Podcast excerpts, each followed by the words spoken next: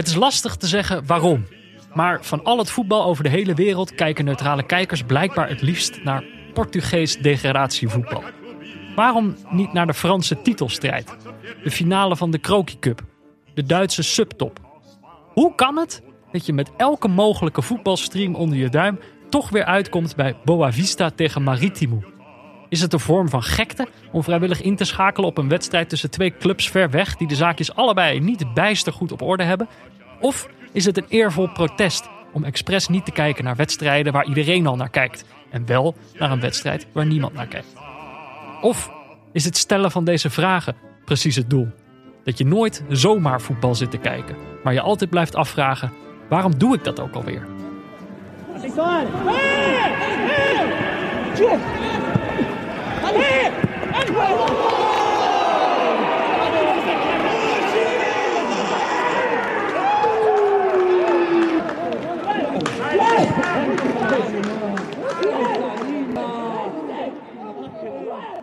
Ja, Jordi, Ja, Peter. hoe is het? Uitstekend.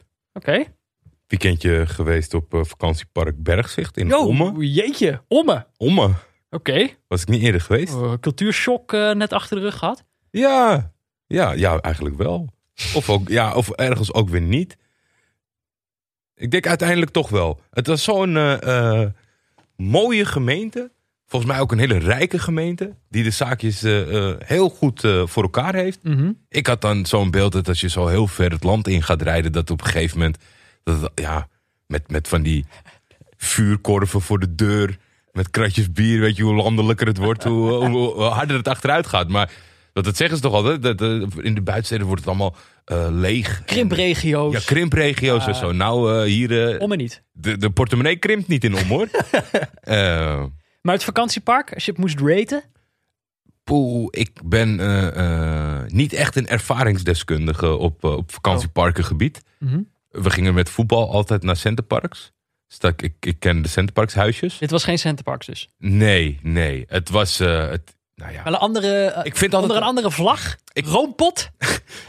nee, ja, ik- dit was een, eh, volgens mij een eh, individueel eh, parkje. Het was, Nee. het was netjes. Lekker er waren veel, er waren veel dingen voor fik. Wat ik wel gek vond, maar er kwam ook gelijk het antwoord vanuit de familie dat blijkbaar niemand daarom geeft. Het waren hele mooie huisjes en die oogden dan hout, van hout gemaakt. Maar het is dan allemaal nep. Nep, En dat vind ik dan zo Nederland, zeg maar, dat je dan lekker praktisch kiest.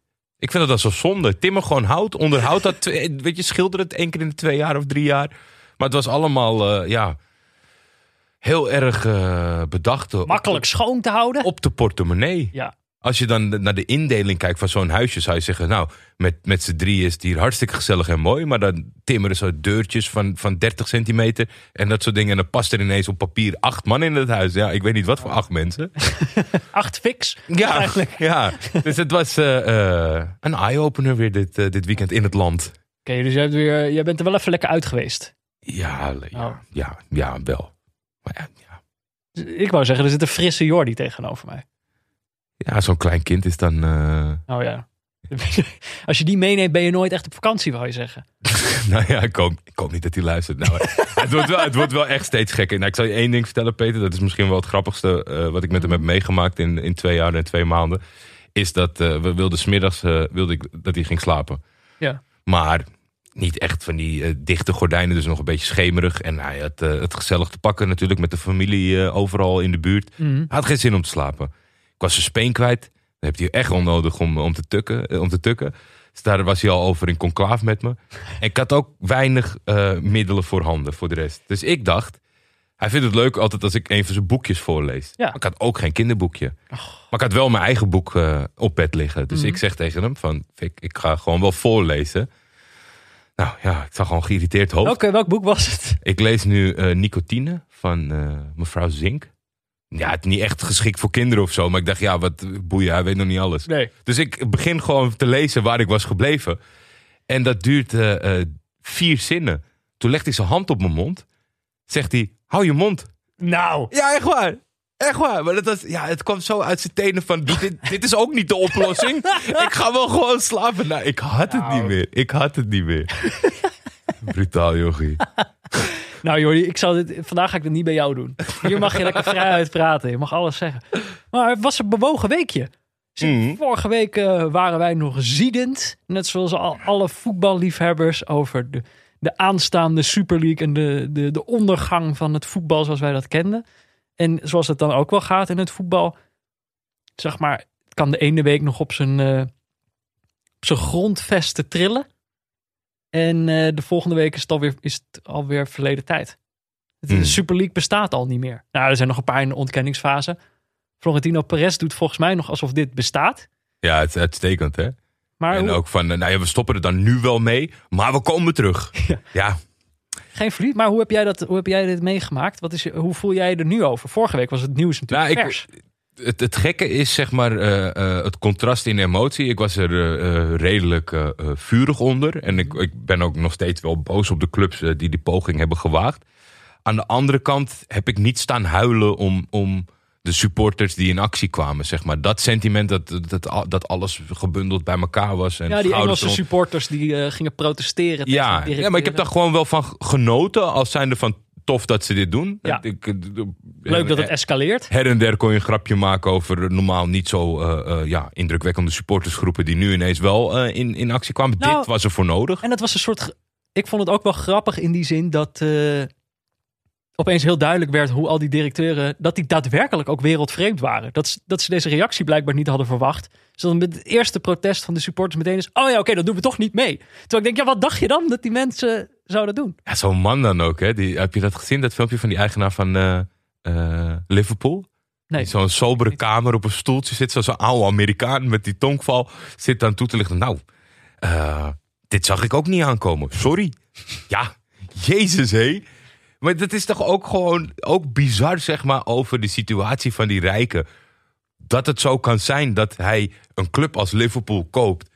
En helemaal niks weet van het sentiment, zeg maar. Maar dat vind ik zo grappig. Dat is natuurlijk wat er altijd gezegd wordt over die mensen. En dat je dan En denkt, dat nou, het het waarschijnlijk. Ja. Maar dan gewoon op de meest banale manier ook waar is. Gewoon dit. Ja. Maar je hebt dus genoten van die sporters, maar niet. Nou ja, ik, ik, ik zag dat menig een was er door geëmotioneerd, zeg maar. Dat alles Ja. bij elkaar kwam en, en, en dat soort dingen. Dat, ik moet zeggen, dat heeft niet hetzelfde, dezelfde emotie bij me opgeroepen. Stijn, die had gisteravond nog, alle Philippe, eh, vroeg me wat af. Zo'n week na de Super League ophef met het kijken naar voetbalwedstrijden van die specifieke clubs in het algemeen. Eh, en je ziet alweer verrukking dat Barça profiteert van puntverlies van andere clubs. Zeg maar. Dus hij zegt, mijn, Ja. mijn constatering is eigenlijk wat jij ook zegt. We zijn alweer gewoon verder en terug bij af. En We hebben ze het alweer vergeven eigenlijk. ja, precies. en ik heb dat niet, want ik zag eh, een stukje vanuit de Italiaanse. Ik heb het niet helemaal afgelezen, sorry, Jur, dat ga ik straks nog doen. Die was een draadje aan het maken over dat de, de overige Italiaanse clubs Mhm. nu wel de poot stijf houden van hé, er moet wel wat gebeuren. Kijk, prima dat ze terugkomen en dat we teruggaan op de oude voet, maar er moet wel een straf zijn. Ja. Dat had ik vorige week ook. Ik vind nog steeds. Ik was echt op de hand van Severin qua UEFA. En er zijn ook nog allemaal kanttekeningen te maken. Hm. Maar in hoe stellig hij was. En toen werd het een beetje, toen ze terug gingen krabben, zei hij van nou welkom terug dan jongens. Dacht ik nee, dat is hem niet. Gewoon even, even een setje geven. Ja. Maak het zo moeilijk. Ja, het, het lijkt er nu op dat ze, dat ze ermee wegkomen. Eerst zouden ze allemaal uit de Champions League geknikkerd worden. Dat dachten we vorige week nog. Mhm. Maar dat is nu, eh, ja, volgens mij moeten ze. Iedereen rekent, deze week rekensommen. Zijn we dan toch terug in de Champions League? Ja. Want ze- die ploegen moesten vervangen worden. Die wedstrijd is morgen. Toch? Ja. Morgen beginnen ze gewoon alweer. Dus eh, inderdaad, echte straf hebben ze niet gehad. Ik vond wel, ik was ook niet per se geëmotioneerd door, eh, door de supporters. Maar hoe ik er nou op terugkijk, dan denk ik. Dat was volgens mij een mening die online ook wel veel voorbij kwam. Dat ehm, ergens is het, is het fijn om te zien dat als het om voetbal gaat, mensen nog goed op een rijtje hebben wat belangrijk is. Dat het spel van de mensen is. En niet van de, de, de rijke directeuren, zeg maar. Dat de mening een beetje zo was van... het is goed dat mensen dat in het voetbal zien, maar nu ook nog daarbuiten, weet In je wel. Ja, Engeland, je kan er veel over zeggen. Maar ja, daar is wel gewoon Boris Johnson de, de gekozen premier. Ja. Dus dat het... eh, Maar misschien is het altijd wel onderschat geweest over... Kijk, er werd natuurlijk altijd gedaan van voetbal verbroederd. En dat dat een mooi ding en een goed ding is. Maar misschien is het wel nooit op waarde geschat... in hoe extreme dat is. Ja. Dus er zijn allemaal mensen die in het dagelijks leven door van allerlei zaken worden benadeeld of verkeerde keuzes maken. En, en, en dat is allemaal, dan blijf je achter je computertje met je anonieme account klagen Ja. of gek doen. Maar als je een voetbalclub komt, dus misschien, dit is misschien Een wel leermomentje. nou ja, een leermomentje voor hoe hoog voetbal op de, op de ladder staat Ja. voor de samenleving. Nou, en ik denk, Misschien al die gemeentes die al die jaren miljoenen hebben gepompt om die clubs overeind te. Hartstikke goed gedaan. nou ja, als dit inderdaad het laatste beetje is waar mensen nog kunnen voelen waar het echt om draait of zo. Of wat, wat eerlijk is, bijvoorbeeld. Want ja, ik, ik denk dan dus ook goed dat het nu met voetbal is gelukt om zo'n plan gewoon van tafel te krijgen. Dat vond ik ook wel gewoon vet. Blijkbaar kan dat dus gewoon. Ja. Als je in opstand komt, dan stoppen ze er gewoon mee. Het is niet zo van, oh, het is toch niet tegen te houden. Dat is meestal een beetje Ja. hoe je erin staat. Van ja, wat doe je eraan, hè? Nou, het, ik, Blijkbaar kan gewoon, kunnen 100 Chelsea supporters dit stoppen. het viel mij heel erg tegen dat ik toch ook wel in een soort van eh, eh, vaak genoemd perfecte tijdlijn op Twitter. Dat er een paar mensen nuance brachten van ja. hey, hier steven het op, dan kunnen we het beter nu doen. En natuurlijk willen ze meer geld. Ik zou ook meer geld willen. Zag je hele voorbeelden van ja, als je voor, du- zoals altijd, hè, als je voor 1000 euro en de, de concurrent zegt kom hier werken voor 10.000, zeg je ook niet nee. Ja, maar dat is heel anders Ja. ingestoken. Nou, maar ik zou, ik zou denken eh, doorpakken. Dus inderdaad ook buiten, buiten het voetbal overal meer eerlijkheid afdwingen. En ik denk, we hebben gewoon niet... Het voelt nu alsof we gewonnen hebben. We hebben de Super League van tafel gekregen. Eh, wij, voetballiefhebbers, allemaal verbroederd. We, we snappen nu waar het echt om draait. Maar ik denk, we hebben pas echt gewonnen als we ook de Super League directeur... Weet je wel, die Amerikaan in onszelf eh hebben weten te verslaan. Als ge- als gewoon Zolang er nog interviews worden gegeven over dat je eh, geld kan verdienen met eh, podcasts. En eh, ik bedoel, zolang die interviews gegeven worden, hebben we nog steeds niet gewonnen. Iedereen is een beetje Super League directeur. Daar moeten we gewoon mee ophouden. Ja, To- ja toch denk ik, eh, er is in de afgelopen jaren zoveel gebeurd waarin dat had kunnen gebeuren. Ja. Dus het gaat niet gebeuren. Nou, kijk. Weet je, en Ja, dat maar is, ik dat ben is dan- nogmaals hoe hoog, ladder, hoe hoog die ladder voor Ja. voetbal ligt. Maar kijk, ik ben dan altijd. Dit is de verdeling natuurlijk. Ik ben een na naïveling. Mm. En jij zegt dat gaat niet gebeuren. en ik denk ergens ook wel. Kijk, als je naar mij luistert. Als je naar mij zou luisteren. Dan zou deze, dan zou deze podcaststudio niet eens bestaan. Dus het is ook wel goed dat mensen erover nadenken. Of je ergens geld mee kan verdienen. Als je naar mij zou luisteren. Dan zou iedere voetballer gewoon nog semi-prof zijn. Dan zou, dan zou er niet eens een stadion bestaan. Oh nee, je hoeft geen kaartje te hebben hoor. Kom maar gewoon zitten. Nee, dat is goed voor de community. Dus ergens is het best wel goed dat mensen nadenken over wat je met geld kan. Maar we moeten niet vergeten waar het om draait. Kan je beseffen dat al die wedstrijden die je kijkt, dat die commentator de hele tijd aan het toelichten is van dat is een schilder, dat is een slager. dat is jouw wereld, waarin iedereen. Andorra is. Ja. ja, dat is de wereld waarvan ik droom. Dus dat moet je ook onthouden. Ja, er moet nog wel een kleine side note worden gemaakt over het, het, het sentiment keerde heel snel van ja, je hebt gewonnen, maar je hebt niet gewonnen, want het was een plan en een grote plan, want de nieuwe Champions Champions League. Enig minpunt aan de nieuwe Champions League is eh, die bescherming. Die bescherming hebben ze anders verpakt Voor de topclubs. voor de topclubs. Het zou zo kunnen zijn dat met de eerder vergaarde punten op het hoogste niveau. Dat je onder, dat zeg maar Manchester United kan zesde worden, West Ham vijfde. En dan gaat United erin op basis van verleden. Als ze dat eruit beuken, dan is het voor de rest een prima plan. Want iedereen zegt, ja, ik zou ook het liefst willen dat we starten met knock-out fase. Maar Ja. dat is financieel onhaalbaar. Maar dat is dus ook een kwestie van een leermoment. Die, al die UEFA-directeuren moeten nu ook begrepen hebben wat er precies aan de hand is, wat daar oneerlijk aan is. En dan dus inderdaad die oneerlijkheden uit zo'n Champions League. Ja, plan. precies alleen Oh. dat. Want de rest, ik, ik vind het best wel dat we ondanks alle sentimenten eh, ook wel eerlijk kunnen zijn. Al die groepswedstrijden die helemaal nergens over gaan. Dan moeten we toch ook... Kijk, ik vind het best een interessante poging die ze Nee, gaan gewoon doen. knock-out vanaf het begin. Ja, oké, maar die is, dan, kom je met te weinig, eh, dan kom je met te weinig wedstrijden. Ah, oké. Maar dus hebben ze nu twee groepen gemaakt. En, en je moet ten alle tijde presteren om bij die bovenste te eindigen. Dus er is best wel een element om je best te doen. Dus dat je zegt eh, bij de laatste twee wedstrijden... ik kom met een B-ploeg. Die kans wordt heel klein. Dat is heel leuk. En daarna ga je naar de knockout. Dus jij hebt eigenlijk nog wel vertrouwen in de nieuwe Champions League. Als ze maar die bescherming eruit halen. Want dat is natuurlijk het belangrijkste wat naar voren is gekomen. Sport. De sport moet zijn presteren. Want anders is het niks. Ja. Dus die bescherming moet weg. En voor de rest best wel een leuk plan. Oké. Nou, dat is toch fijn hè? Een week later is de, de voetbalwereld gewoon weer gered, bijna. Ehm, dus nou, zullen we het dan maar gewoon over het spelletje gaan hebben, Jordi? Over de wedstrijd die wij keken. Nou, want we hebben weer een wedstrijd gekeken. Ja, in de intro zei ik het al. We zijn toch, we konden het niet laten. Nee. Het- Blijkbaar dit seizoen, het leukste voetbal dat er is, is gewoon Portugees degradatievoetbal. Tenminste, dat, zo zit dat op een of andere manier in ons hoofd. En dat komt natuurlijk door aflevering 18 van dit seizoen. Toen we min of meer toevallig naar Penafiel tegen Vajim gingen kijken in de Segunda Liga. Ja. Toen werd ons hart eh, gestolen. Ja, qua topvoetbal moet je dit seizoen absoluut in Frankrijk zijn. En, en het algehele plaatje, daarop won Penafiel uh, Varzimmet. Ja, Ja, dat zat in Portugal. ja. En dat zijn we natuurlijk ook steeds een beetje op terug blijven kijken. Ik heb in de tussentijd denk ik acht keer Ollenense zien voetballen. Waarom? Maar ja, ik geniet er, ik geniet er optimaal van.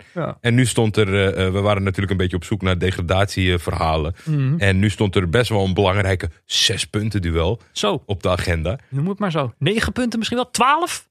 ja, eh, laat- Heel belangrijk. Eén van de twee ploegen zit nu in de penari. Ja, we keken naar Boa Vista tegen Maritimo. Ja, In de cruciale, dat zijn twee ploegen in de hoogste divisie van Portugal. En eh, ja, ook die competitie zit nu in de cruciale slotfase van het seizoen. En eigenlijk we moeten natuurlijk altijd een beetje een narratief bij een wedstrijd bedenken. En deze keer dacht ik, jij had het over degradatiespoken vorige week. Van ze, ze, ze, waren, ze waren rond. En eh, daarom is dit eigenlijk een spookverhaal. Je aan het eind van het seizoen, overal zitten de spoken zitten een beetje te azen op een ploeg die ze mee naar beneden kunnen sleuren. Fragiele ploegen die, de, die net niet helemaal eh, zeker in hun schoenen staan, die, die nemen ze te graas en eh, sleuren ze mee de degradatie in. en of deze ploegen fragiel zijn. Nou ja, Boa Vista en Maritimo zijn twee van die clubs die moeten vrezen voor hun plekje op het hoogste niveau. En ik denk dat het allebei voorbeelden zijn van ploegen. En dat is natuurlijk hoe het gaat met spoken. Ze komen langzaam dichterbij zonder dat je het doorhebt. En dan Mhm. aan het einde van het seizoen denk je opeens, Ja, een degradatiespook. Oké, laten we beginnen met Boa Vista. Ik heb gewoon maar weer wat dingetjes uitgezocht. mhm. Geprobeerd te kijken van waar is het eigenlijk misgegaan voor deze ploeg. Eh, schiet, schiet er maar op. Kijk maar, kijk maar wat eh, jij ik, voelt eh, ik, zit, ik zit alert. Boa Vista is de tweede club van Porto. Klopt. Iedereen kent natuurlijk FC Porto. Maar tien jaar later werd, werd een van de andere oudste ploegen van Portu- Portugal opgericht. En dat is Boa Vista. Volgens mij door Engelse textielondernemers werd deze ploeg uit, de- uit de grond gestampt. Overal waar die kwamen starten die clubs. Hè? Ik Ja, de Engelse, ben benieuwd hoe lang, hoe, lang, hoe lang die gasten allemaal bleven. Het, Ja, kan toch, dachten- het, het kan toch niet zo zijn dat die allemaal geëmigreerd zijn en, en naar een voetbalclub zijn begonnen? Ja, maar die textielondernemers, kijk, je hebt een hoop shirts. Je moet, iemand moet die shirts aantrekken. Eh, nou, over het shirt gesproken. eh Boa Vista, dit is misschien waarom veel mensen het kennen. is een heel karakteristiek shirt. Is denk ik eh, geen, club, geen profclub te bedenken die dit ook in zijn hoofd haalt. Een zwart-wit geblokt soort schaakbord Ja, als, eh, als shirt. altijd, eh, ja, hoe zou ik dat zeggen? Fan van is misschien, is misschien gek, maar dat je binnen dat assortiment, weet je, het, je- het is natuurlijk onmogelijk voor alle clubs om origineels te zijn. Ja. Ik vind het toch altijd wel vet als je gewoon iets verzint. Dat het dan nog, ook nog een beetje uitziet, maar wel speciaal is. Want ergens zou je, ik weet je ook dat die theedoek van Kroatië, met alle respect natuurlijk, komt vanuit, de, eh, de- dat zijn allemaal belangrijke factoren. Maar dat je dat durft en, en claimt. Ja. En eigenlijk mag je oog dat niet registreren als mooi. En toch weten ze het mooi te maken. En dat is altijd wel vet. Ja, nou ja, dat is denk ik toch de originaliteit die dan zijn werk doet. Eh, nou, het is dus een oud gediende in het eh, Portugese voetbal. Ze zijn één keer kampioen geworden in 2001. Verder hebben ze de vijf keer de Portugese beker gewonnen en drie keer de Supercup. Ehm, Ja. De eerste decennia, oh, Nou ja, dat is natuurlijk wel eh, de, de periode waarin ik eh, eh, deze ploeg. Nou ja, ik denk zo'n beetje met hoe mijn kijkgedrag toen was. 2001. Ja, alle doelpunten wel van heb gezien. Want Bo Visa, dat is, dat is zo'n ploeg. Dat doet bij mijn generatie voetballiefhebbers meteen denken aan Eurogoals. Het fantastische programma op Eurosport. Eh, Daar kwamen zij ook in. voor. aan de hand eh, natuurlijk van Julian van Wessem. Ja, daar kwamen zij in voor. Want dat was natuurlijk, het concept was gewoon eh, een band laten lopen, inspreken en, en alle doelpunten over heel Europa. Een fantastisch concept. Eigenlijk nu vind ik het, weet je, alleen maar doelpuntsamenvattingen kijken, dat vertelt je niet zoveel. Dan kan je niet zeggen van ik heb die wedstrijd gisteren gekeken en ik vind dit en dit. Maar voor toen, ja, dat was magisch. En dan was er zo een gek geblokt shirt met gekke spelers. Ja. Spits die, als hij, als hij scoorde, en dat deed hij nogal vaak, eh, die Silva, dan maakt hij die, eh, zeg maar, het pistoolgebaartje Oh. van, eh, van Suarez. Pistolero. Maar als, ze echt, als het echt een bonte wedstrijd was, dan gingen ze, teamgenoten die gingen over de, over de grond kroelen, zeg maar, alsof ze neergeschoten waren. ja, maar dat, zijn, dat shirt zo spits, dat juichen, dat, dat blijft allemaal bij voor je leven. Dus Boavista van toen, en, en zeker na de titel volgde een Champions League avontuur. Ja. Dat was wel magisch hoor. Dat was nog in de, in, de, in de dubbele groepsfase van de Champions League. Had je twee keer een groep. En die hebben ze toen net niet gehaald, die tweede groep. Ja, dit, ze zijn dus inderdaad aan het begin van deze eeuw. Zijn ze eventjes heel succesvol eh, geweest. Want eigenlijk in de eerste decennia van hun bestaan waren ze een beetje een heen en weer club. Promoveren, degraderen, promoveren, degraderen, promoveren. Eh, maar sinds 1969 spelen ze onafgebroken op het hoogste niveau. En ik zeg onafgebroken, dat is niet waar. Namelijk eh, een uitzondering van de periode van zes jaar tussen 2008 en 2014, waarin ze niet op het hoogste niveau speelden. En eh, dat had ook wel een, een reden. En dit deed bij mij toch een belletje rinkelen. Ik heb hier denk ik toch ooit iets van over gehoord bij een commentator. Namelijk Boavista was een van de ploegen die schuldig werd bevonden in eh Apichu Dorado. Doet dit iets bij, bij jou een belletje rinkelen? Helemaal niet, eerlijk De gouden fluit is de Ja, vertaling. prachtig woord. Maar daarom denk ik, zo'n zo'n mooi woord, dat blijft dan wel ergens in je. Ja, maar maar dat, dat dacht nee, ik mij dus. niet. Maar dit is dus het, het, het matchfixing schandaal. eh, dat in 2004 plaatsvond. Er werden Portugese scheidsrechters omgekocht. Vandaar hè, de gouden fluit. Ehm, en dit kwam dus in 2008 of 6 geloof ik aan het licht. Ehm, er waren meerdere ploegen schuldig aan. FC Porto en Lei- Leiria. Eh, maar die kregen allebei punten in mindering. En alleen eh Boavista kreeg de echte straf. Namelijk het degraderen naar een divisie lager.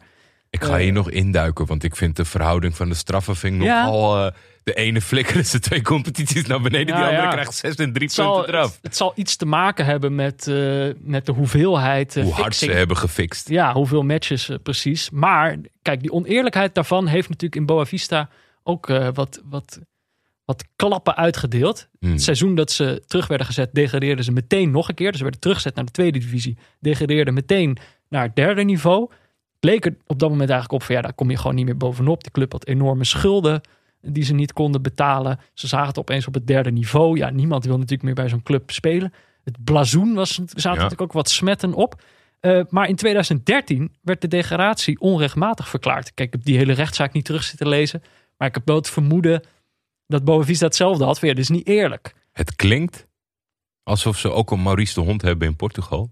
Wat die toch in het ootje heeft genomen. Die met een sterk rechtvaardigheidsgevoel die zich heeft vastgebeten hierin. Maar dat betekende dus dat zij, dit vind ik dan wel een beetje gek, maar dat ze eigenlijk gewoon in 2014, 2015 dat seizoen gewoon weer terug mochten keren op het hoogste niveau. Ik weet niet precies hoe ze dat hebben opgelost.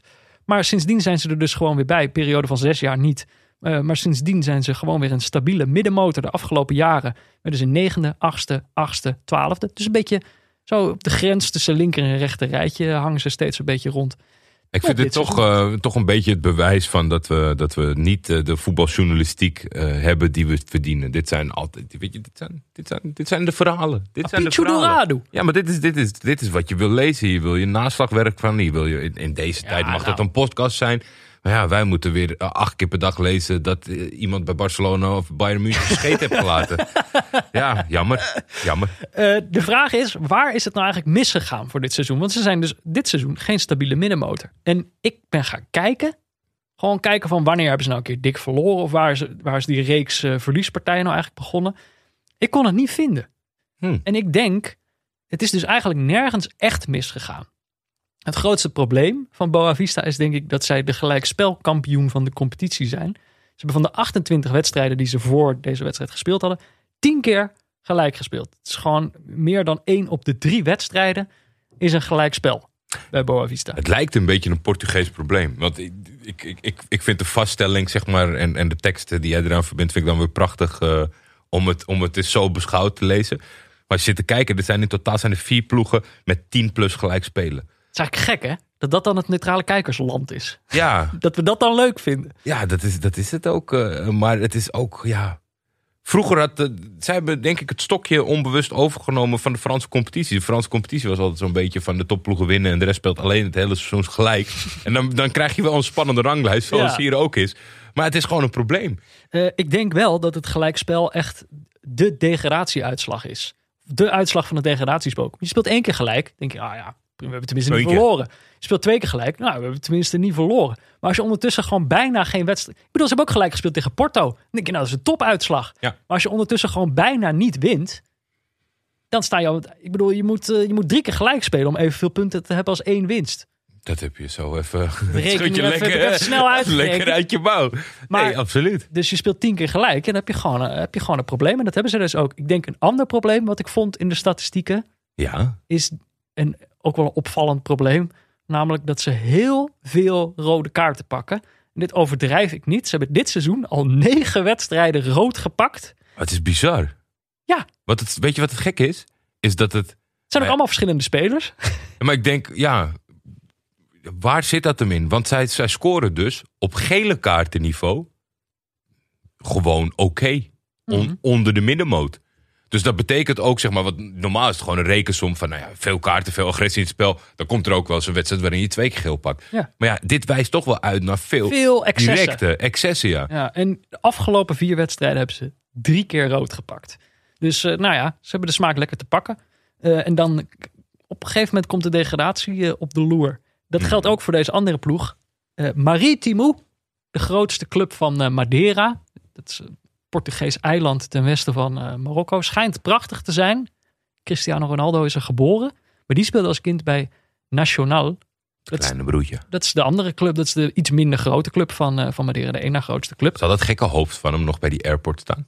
Dat gekke hoofd, eh, dat standbeeld. Ja, Is dat, staat dat op Madeira? ja, ja. dat de airport van Madeira. Ik weet niet, ik, heb, ja, ik weet precies welke je bedoelt, maar ik Ja, weet niet waar die stond. Nee, volgens mij hebben ze die vervangen door een betere. Toch? Ja, het lijkt mij ook. Daar is hij veel te ijdel voor, toch? Als dat helemaal belachelijk wordt gemaakt wereldwijd om dat te laten staan. Ja, Even oh, ga ik opzoeken wat er voor in de plaats is gekomen. Ehm, ook dit is een ploeg die eigenlijk al, al vrij lang op het hoogste niveau eh, speelt. Sinds 1985 zijn ze onafgebroken een club in de hoogste divisie. Ook een steady middenmotor. Eigenlijk altijd een, een plek tussen 5 en 13. Dus nooit een uitschieter naar boven, nooit een uitschieter naar beneden. Ze hebben ook een heel klein prijzenkastje. het is gewoon, ja, het is eigenlijk nauwelijks gewoon eh, een kast. Eh, er staat één bekertje in. De Portugese beker hebben ze één keer gewonnen. Eh, volgens mij zijn ze ook twee keer kampioen geworden van de tweede divisie. Dat moet wel als je af en toe eh, wil promoveren. Mhm. Maar ja, die tel ik dan toch niet mee. Nee, nee, in het nee. prijzenkastje. Nee, nee. Toch moet je de invloed van deze club Maritimo niet onderschatten. Het is onder andere de oude club van Pepe. De welbekende Pepe. Danilo Pereira. Nuno Valente. Natuurlijk uit het bekende Porto-team dat de Champions League won.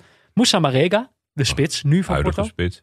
Eh Soek heeft er ook gespeeld, blijkbaar. Kan gewoon. En Mitchell van der Gaag heeft hier zowel gespeeld als getraind. Absoluut. Dus eh het Nederlands tintje is ook aanwezig. Ja, die was, eh, ik, ik, vind dat, ik vind dat toch altijd mooi, zo iemand. nou, misschien heb ik het wel eens, nu, ik het, nu ik het bedenk, volgens mij wel eens eerder aangegeven dat ik dat gewoon mooi vind. Zo iemand die dan in zijn carrière op een, op een plek komt en daar zo op zijn plaats is, jarenlang speelt, publiekslieveling wordt, het trainingsvak start, eh, bij die club eh, dat ook doet. Ja. Eh, maar ja, het, het, het- waar zit hij nou tegenwoordig? Jong Ajax, Wel nog jong Ajax. volgens mij wel. Ja, het is gek ook, hè. Het is ook het, Dan kan je... maar het- Madeira, het- man. Nee, maar het grote voetbal wat alles kapot maakt. Dat is zeg maar iemand die als een talentvolle trainer staat aangeschreven. Goed presteert in de, in de, in de, op, het- op, in de eredivisie.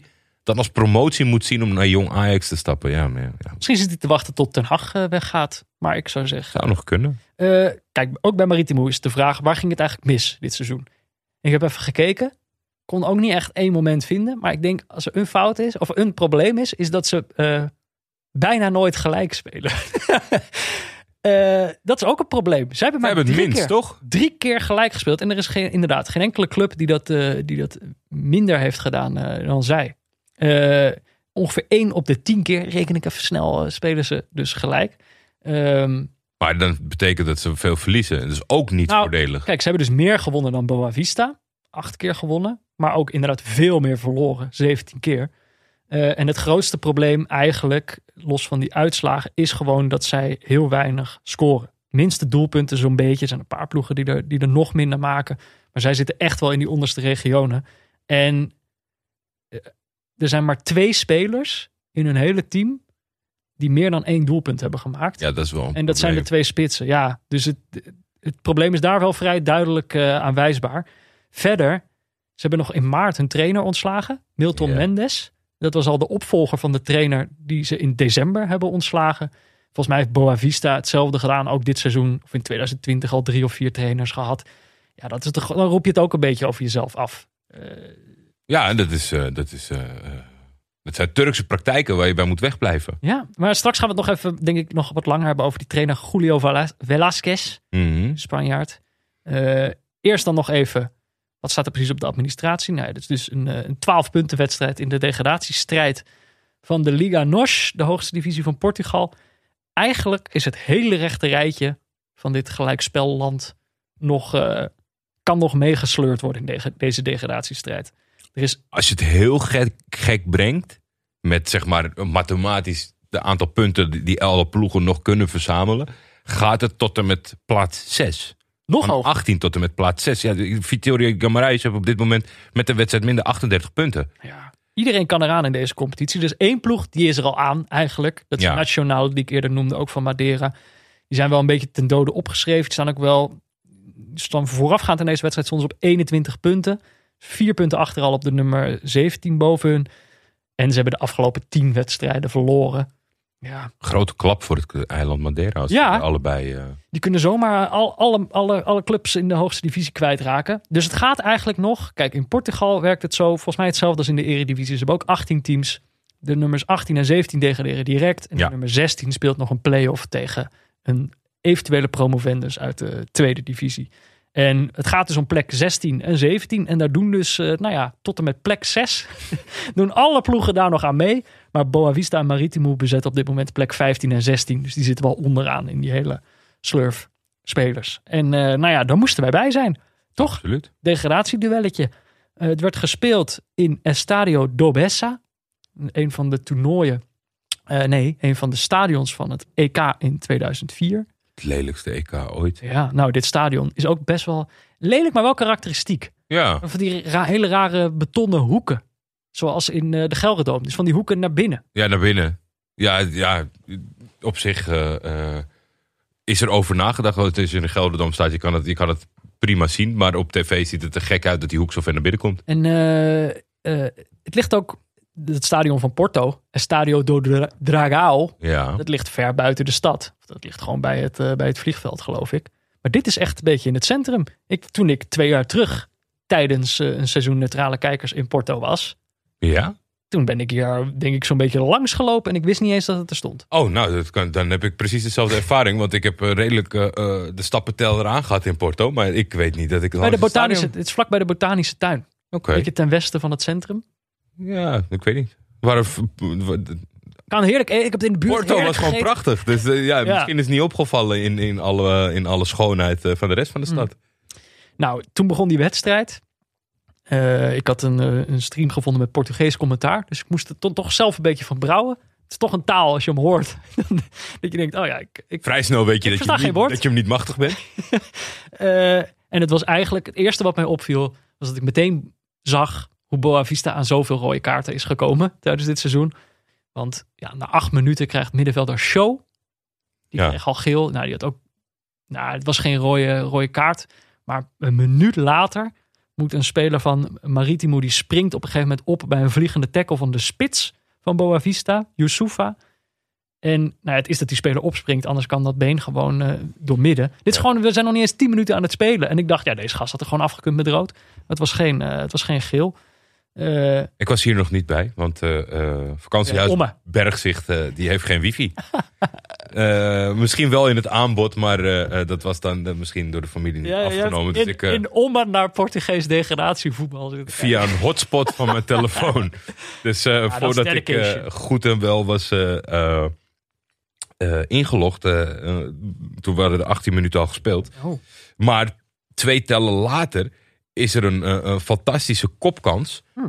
van... Uh, Maritimo. Ja, Maritimo. Even kijken. Uh, Joel Tagé. Dat ik dacht, zo, dat, uh, dat is een aardige aanval. Een voorzet van René. Wie kent hem niet? De Braziliaan René. volgens mij was dat ook Boavista raakt dan die bal kwijt in de verdediging. En best wel soepel spel. Ja, dus ik, eh, ik dacht zo, eh, dit, als, dit, eh, als dit het niveau is waar Peter al 18 minuten naar zit te Nee. kijken, dan, dan, wordt het, dan wordt het genieten. Nee, nee, nee, nee. Dat was niet echt het niveau waar we naar zaten te kijken. Heb je ook gemerkt, want die kans die jij net hebt genoemd, dat is de enige kans eigenlijk van de eerste helft. Ja. De enige, enige kans op doel in ieder geval. Ik vond het wel mooi, want het was inderdaad een kopbal die volgens mij voor de keeper ook vrij onverwacht kwam. Kwam Mhm. ook recht op hem af. Dus dat is dan echt zo'n reflex. Ja. De keeper zo in een soort schrikbeweging die, die bal net nog overtikt. Dat vind ik altijd mooie reddingen. Ja, ik vond het, ik, ik, al vrij snel zag je, zeg maar, en dat, dat heb ik dan toch altijd een beetje met twijfels bij. Als je, als je internet erop naleest, dan zeggen ze eh, bij, bij Transfermarkt de opstelling en bij Woescoort dat ze 3-4-3 spelen. Nou, eh, je kan mij onder schot zetten, dit was geen 3-4-3. Het is 5-3-2 met de sweeper, want Rami die stond er nog vaak eh, drie meter achter ook. Ja. En dan, ja, dat is dan toch een beetje. Jij vat het natuurlijk al samen van. Als je te veel gelijk speelt, is dat een probleem. Maar ja, als dit je opvatting is, dan zal er heel vaak gelijk spel. Want voorin kom je niet. En achterin ben je aan het tegenhouden. ja. En dan moet dan op, op, op hoop van zegen dat, dat, je, dat je in ieder geval de nul houdt. Want ik vond, Nou, dit was precies inderdaad het spelbeeld, toch? Ik vond gewoon echt- op een gelijk spel af. ik vond echt armoedig hoor. Als je Bovista. Nou ja, dat moet dan als ze in balbezit komen proberen een aanval op te zetten. Maar ja, voor mij was vrij snel duidelijk dat Marito, Maritimo meer voetbal in zich had. Mhm. En nou ja, dan zal dan blijken dat, dat zij een ploeg zijn die moeilijk scoren. Want dat is de enige reden dat het hierdoor lang spannend blijft. Ja. In mijn ogen. Want Ja. Bovista, dat, dat, dat, kan toch, dat kan toch niet naar voren op deze manier? Nee, het, we stevenden eigenlijk dus af. Inderdaad, het voelde als van, oh ja, dit is... Vorige wedstrijd tegen deze, tussen deze ploegen was ook 0-0. Ja, En dat, dat nou, wist ik niet. Ja, ik, wist, ik had dat dus op- opgezocht. En toen, toen we dus een half uur naar deze wedstrijd zaten te kijken, dacht ik, oh ja, dit wordt gewoon 0-0. Ehm, hoogtepunt was daarom van de eerste helft. Tenminste, ja, hoogtepunt. Er krijgt toch iemand rood van, je raadt het niet, Boa Vista. Eh, uit de technische staf, geloof ik. Ik kon gewoon, ik kwam er niet wijs uit wie daar nou rood kreeg. Ik denk iemand uit de technische staf. Het was niet de hoofdtrainer. Nee, Eh, het was wat een hele bekende, bekende man is trouwens. Want dat hebben we nog niet genoemd. Maar dat is eh, Josualdo Ferreira. Ja, Die heeft nogal een eh, aardig cv. Maar die was het zeker niet, die oude meneer. Want dat had je wel herkend. de grijze vos. Maar nee, ik ook niet. Ik zat te kijken, knipperde twee keer met mijn ogen. En toen werd die man weggestuurd. Ik denk, nou ja, misschien krijgen we nu nog een herhaling van dat hij iets doet. Ja, of Want ze brengen even in beeld Bovista is. wil een corner nemen. En hij staat daar in die hoek van die corner. En ja, misschien heeft hij aan de bal gezeten. Misschien heeft hij wat geroepen. Maar dat kon je dus inderdaad, de, Portugese liplezers zullen hier geen werk mee, mee kunnen doen. Want hij had een mondkapje eh, op Ja. en die bleef hij ophouden. Ja, misschien heeft hij inderdaad iets geroepen. Het was verder compleet onduidelijk. Ik heb het geprobeerd terug te zoeken. Ik heb allemaal Portugese sites go- gegoogle translate naar het, eh, naar het Engels. Maar ik kom er gewoon, ik, nergens wordt het überhaupt genoemd. Dat ik me bijna ging afvragen, is het nou wel echt gebeurd? Ja, Maar er kreeg toch echt, echt iemand rood. Ja, het is echt gebeurd. Eh, Ik, ik, ik wilde nog even zeg maar, aan die aanpak van, van Boavista toevoegen. Want dan op een gegeven moment eh, dan heb je aan de buitenkant de Albert Elis. Waarvan ik eh, gisteren op de, op de slechte stream van overtuigd was dat het eh, Elvis was. maar dat, Er waren een paar mooie namen op het veld. ik kan dat zo niet, niet, niet bevatten. Dan zo'n Jeswaldo Ferreira die zo'n lange staat van dienst heeft en, en her en der wel succes kent. Dat hij dan naar zo'n ploeg kijkt en dan denkt, nou wat we vandaag gaan doen is, is eigenlijk niks.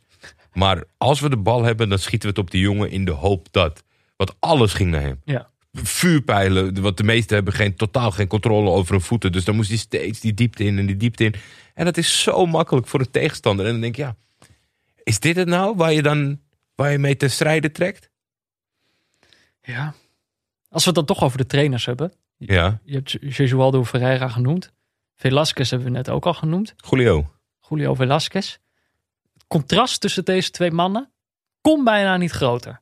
Nee. Jesualdo Ferreira is ah, een beetje gewoon een oude grijze man. Eh, een beetje kalend. Die staat daar in zijn, in zijn trainingspakkie. Een lekkere, lekkere hompige trainingspak. Ja, lekker in zijn tracksuit. En eh eh Velasquez, een beetje een jonge Spanjaard, die had een driedelig pak eh, uit de kast getrokken eh, de- deze ochtend, deze zondagochtend. Eh, Ja, ik vind het dan altijd fijn als mijn vermoeden eh, onderbouwd wordt eh, met feiten. Want ik, ik heb dan altijd snel best wel... Ja, het is heel on, oneerlijk of zo, maar toch als je... Weet je, er gebeurt niet al te veel. Dus je gaat over van alles en nog wat nadenken. En dan, dan zie je dat... Ik had het gevoel, hij, hij speelt een trainer. Ja. Ik weet niet, eh, hij, is misschien, ja, hij zal wel trainer zijn op papier, maar hij speelt een trainer. Er staat dan gelikt driedelig pak bij, bij degradatievoetbal. Trek je zo'n cv open. Heeft overal zijn kansen gehad, maar ik vind toch, toch Heel druk doen naast de, naast de lijn ook. heel opmerkelijk. Deze man is 39. Heb al, denk ik, nou ja, meer werkgevers dan dik advocaat gehad. Allemaal korte dienstverbanden. Ja, dan eh, heb, kan je in ieder geval heb je een hele goede zaakwaarnemer of een vlotte babbel. Maar ja, je acteert eh, eh, het zijn Ja. van trainer. Dat, vind ik voel, dan. dat, dat voelde hij aan alles, hè? Was geen Ja. leuke man. Nee.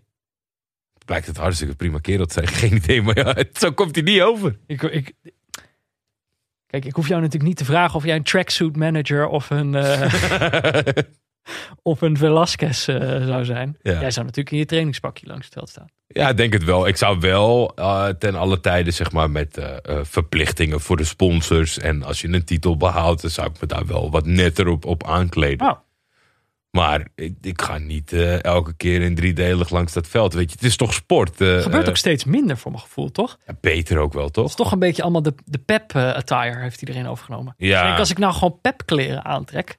En casual. Wat ik heel grappig vind, is Erik ten Hag had eerder dit jaar dat hij... een- Want Ajax heeft een, een hele armoedige Ah. kledingsponsor, Replay. Rare deal met replay. Hele En- grote ritsen. Ja, en toen had hij een heel gek jasje aan. Maar dat is toch... Een enorme rits, toch? Was Ja, dat? op een of andere manier is dat bij hem gekomen. Want hij heeft die jas nooit meer aangehad. En Ja. daarna kwam hij met een nieuwe jas. En dat is dan de vaste jas voor dat seizoen geworden. Maar eh, ja, ik, het is oké. Ik denk dat het oké is dat het casual mag langs de zijlijn. Ja. Driedelig is too much. Het hoeft ook niet. Ja, van vroeger heb je van die beelden van die veel te grote trainingspakken met Ja. een mal petje op. Zie je Wim van Hanegem. Weet je, een icoon van het voetbal. Als een of andere buurtvader daar langs het, eh, langs het veld staan. Eh, gewoon lekker casual, normaal. Doe wat je prettig vindt. En als je nou echt heel gelukkig wordt. Er zijn mensen die, die, die, die, die sferen bij een driedelig pak. Dan moet het ook zo zijn. Maar dan kunnen wij zeggen dat je acteert. Ja, deze man acteerde een trainer. Ja. Leuke man. Nou ja, 0-0 bij rust. Dus we moesten doen met dit soort gedachten. Ik had eigenlijk het gevoel eh, dat de ploegen allebei nog niet helemaal wakker waren. Dat ze niet helemaal begrepen.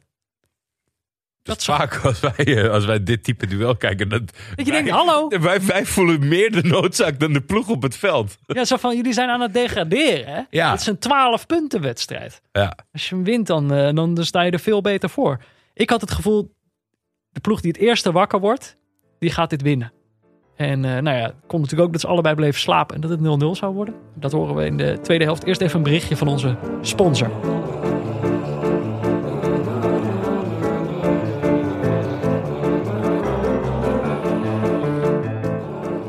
Ja, want ook deze aflevering van Neutrale Kijkers wordt natuurlijk mede mogelijk gemaakt door Auto.nl. Eh, op de website van Auto.nl garanderen ze. A-U-T-O.nl. Dat Nog is de, steeds. dat is de website. Slash neutrale kijkers. Slash neutrale Dat is de belangrijkste tap. Op die website waar je auto's kan kopen, daar garanderen zij nooit meer een miskoop. Nou ja, eh, Ja, Boavista en zou er wel, als je Adiorami eh, op dit moment Oh, nog eh, achterin hebt rondhobbelen, dan had je toch even bij auto.pt moeten kijken. ja, nou, Bij daar, de broers in Portugal. ah, over Adio Rami straks meer. Ik, heb een, ik heb een aanbiedingje gevonden. Oh, Eh Jody Lukoki heeft zijn contract laten ontbinden. een heel klein snel Vandaag. autootje. Een heel klein Ja. snel autootje. Heb ik hier ineens een heel klein snel autootje. Die stond onder contract bij Malatya Spor. Die speelde nooit. Dus die dacht, nou, wat doe ik hier eigenlijk? Ik, eh, ik laat mijn contract ontbinden. Ja. Eh, waardoor hij nu transfervrij op te pikken is door, eh, door wie je maar wil. Inderdaad, klein autootje. Oudspeler van Ajax, Cambuur, Zwolle, Ludo Goretz en dus Malatyaspor. Maar nog maar 28. ja, Daar, zit nog wel, op- daar, zit, daar kun je nog wel wat kilometers in rijden. zeker. Ehm, kijk, ik, normaal dan hebben we het over een speler die net is aangetrokken door een club. En dan vragen we, is het toppie of floppy? Misschien, hier wordt het iets complexer of dit toppie of floppy is. Want dat hangt natuurlijk vanaf waar die naartoe gaat. Ja, dat Ik is zei- altijd eh, bij toekomstvoorspelling is het toch lastig, omdat de club heel veel invloed heeft. Heb je Als iets... Ajax hem haalt, zeg ik floppy. Ja. Als eh eh, Spa- Spakenburg hem koopt, zeg ik toppie. Hij heeft dus heel weinig kilometers gemaakt bij Malatyaspor. Het is natuurlijk wel een Turks club. Heb je iets gezien van hem? Weinig. Wist je dat hij er zat? Ja, dat wel. Dat wel. Ik, ik, ik zag dat ze toen zijn transfer rondkwam. Ik heb hem ook een paar keer zien invallen. Het is jammer dat het er niet helemaal uitkwam. Volgens mij op een gegeven moment ging het wel goed bij Ludogorets, maar daarna ook weer niet. Het is een beetje zo'n autootje wat, eh, waar, je, waar je niet op kan bouwen. Weet je, het is zo dat als we vanmiddag hier Ja. naartoe rijden, Dat je toch even kijkt. dat we denken van, ah, lekker gereden naar de studio. En dan gaan we zo meteen, zet ik je thuis af. En dan denk je, nou, wat een rotauto heeft, uh, heeft Jordi. Ja. Ging rammelen, hij deed niet wat hij moest doen. ja. Dus, eh, Wisselvallig. ik, ik, Maar ik zei bij dit nieuws, Mhm. zei ik meteen... Het zou me niks verbazen als die straks weer gewoon weer opduikt in de eredivisie. En dan heb je gewoon een, een buitenspeler van 28 die volgens mij eh, aan, aan de meeste ploegen nog wel iets toe te voegen heeft. Nou, niet bij Ajax. Maar, Ja, ja, ik denk maar jij zei meteen, hey joh. Ik denk dat op dit moment er zijn eh, heleboel autootjes die ADO zouden kunnen opknappen. Nou, Maar- Lukoki, Nee, maar jij, maar ja. jij zag het, jij denkt, nee joh, die gaat niet naar, naar Nederland. Nou ja, op zich valt het nog wel mee. Maar op een gegeven, als je in, zeg maar, in de categorie Ludogorets en dan in, in Malatya belandt, dan, dan lijkt je wat voor ogen te hebben. Wat financieel in Nederland niet haalbaar is voor Ja. de clubs die interesse zouden kunnen hebben. Dus wat dat betreft denk ik. Over het algemeen is toch wel het, het concept volgens mij bij dit soort carrières. We gaan kijken of er nog ergens een leuke deal is in het buitenland. Ja. Is er niks of, of raak ik clubloos, dan klop ik aan bij de RKC's van deze wereld, bij de ADO's van deze wereld, om mezelf weer in de kijker te spelen. Met dan toch alsnog weer het doel om weg te gaan. Mhm. Ik, eh, ja, nou ja, je hebt uh, Y-Scout en je kan alles. eh, eh, eh, je kan eigenlijk Lukoki beoordelen zoals eh, een Auto.nl de auto's bekijkt alvorens ze in het eh, assortiment brengen. Ja, Alleen voetbalclubs doen dat niet altijd en Auto.nl doet dat wel met stip altijd. Dat is het grote verschil. Waardoor zij kunnen garanderen dat je geen miskoop plaatst. Bij, bij voetbal is het emotie. Emotie. Ik wil nu een snelle rechtsbuiten. Wie hebben we nog? gewoon googlen op Heb Jody iemand Lukoki. het nummer van Jody Lukoki? Ja, je Nou, hebt toch en dan zie je dat filmpje dat hij een panna geeft aan Tim de Cler. Ja, die moeten we hebben. Ja, Dit is hem. dat is leuk voor het publiek en eh, hartstikke behendig. Kijk, inderdaad, als je een veel verstandigere beslissing wil nemen, en dat doe je natuurlijk als je een auto koopt, dan moet je gewoon zijn bij auto.nl slash neutrale kijkers. Ja, tweede helft, Jordi. Eh, ik weet het, dat ik, ik ben natuurlijk ook de naïeve optimist eh, van ons tweeën. Maar ik dacht, eh, tweede helft, dat het gewoon meteen een andere wedstrijd geworden was. Ik, ik in zag, ieder geval Maritimo was wakker geworden. Ja, terwijl ik verwachtte dat Boavista wakker zou worden, want die hadden een huddel met z'n allen. ik hou altijd van een huddel. Ja? Ja, tweede helft met een huddel je bent wel te porren voor een huddel. Ja, ik, ik vind het altijd gezellig eruit zien. Zo armpjes over elkaar. Even, even Ja. gewoon schreeuwen, dat heb je soms nodig. Nee, Maar De eerste actie die hem is bijgebleven van deze helft bij Boavista is een tackle van Adil Rami. mhm. Ja, nou sorry, ik had het over die overtreding in de eerste 10 minuten. Maar nu is het dus in de eerste 10 minuten, ik weet niet wat ze zeggen in die huddle. maar volgens mij is dat gewoon rood enkels. pakken. Dat die gast, hij kreeg niet eens geel. Nee. Gewoon een, een, een spits die, eh, die een beetje los is. Weet je wel? Die, die, een spits van Maritimo is op tempo gekomen. Die eh, rent af op centrale verdediger Rami. Die gast vliegt gewoon met twee gestrekte benen vooruit. Dit is gewoon, als je in het scheidsrechtersboekje een tekening, een illustratie zou moeten maken van wat een, eh, een tackle is die je met rood moet bestraffen, is het dit. Hij raakt de speler ook. Ja, de, Gestoord. zeer opmerkelijke beslissing eh, van de, eh, van de scheidsrechter in dit geval. Ja. Hij kwam er goed mee weg. Dit Maar is, ja. Het, het is dan toch ook een beetje. eh, voetbal is niet helemaal uit te tekenen, maar toch vaak wel. valt het dan aan de goede kant ten opzichte van de getoonde intenties, zeg maar. Dat hij dit doet en ermee wegkomt, blijkt toch dat ze er niet echt mee wegkomen. Want niet veel later wordt Bovista Ja. natuurlijk gestraft Ja, door middel van een tegendoelpunt. waarin waar. hij een van de hoofdrolspelers is die steken laat vallen. Ja, de 63ste minuut is het Ali Alipour. Heerlijke naam. Wie kent hem niet? Nou, ja, ik dacht dat ik hem kon, maar het blijkt helemaal niet zo te zijn. Nee, nou ja, hij maakte 0-1. Er is net gewisseld op dat moment. Hmm. Er is toch een soort omzet uh, heeft er plaatsgevonden bij Maritimo. Heeft uh, onze, onze vriend Velasquez toch iets gezien wat moet veranderen. Jorge Correa kwam erin. Dat is een, een linksbenige rechtsbuiten. Argentijnse jongen, volgens mij ook al een beetje op Jody Lukoki-achtige leeftijd. Mm uh, en ik had gewoon het gevoel dat er daar iets uh, veranderde. Dat opeens allerlei gaten vielen achterin bij Boa Vista. En de, daar kwam deze goal ook uit. Steekballetje. Net geen buitenspel. En vervolgens, vervolgens heb je Tagui. Tagui. En die, die... Stukje breed. Jij zegt dat er worden heel veel steekjes... Uh, worden er...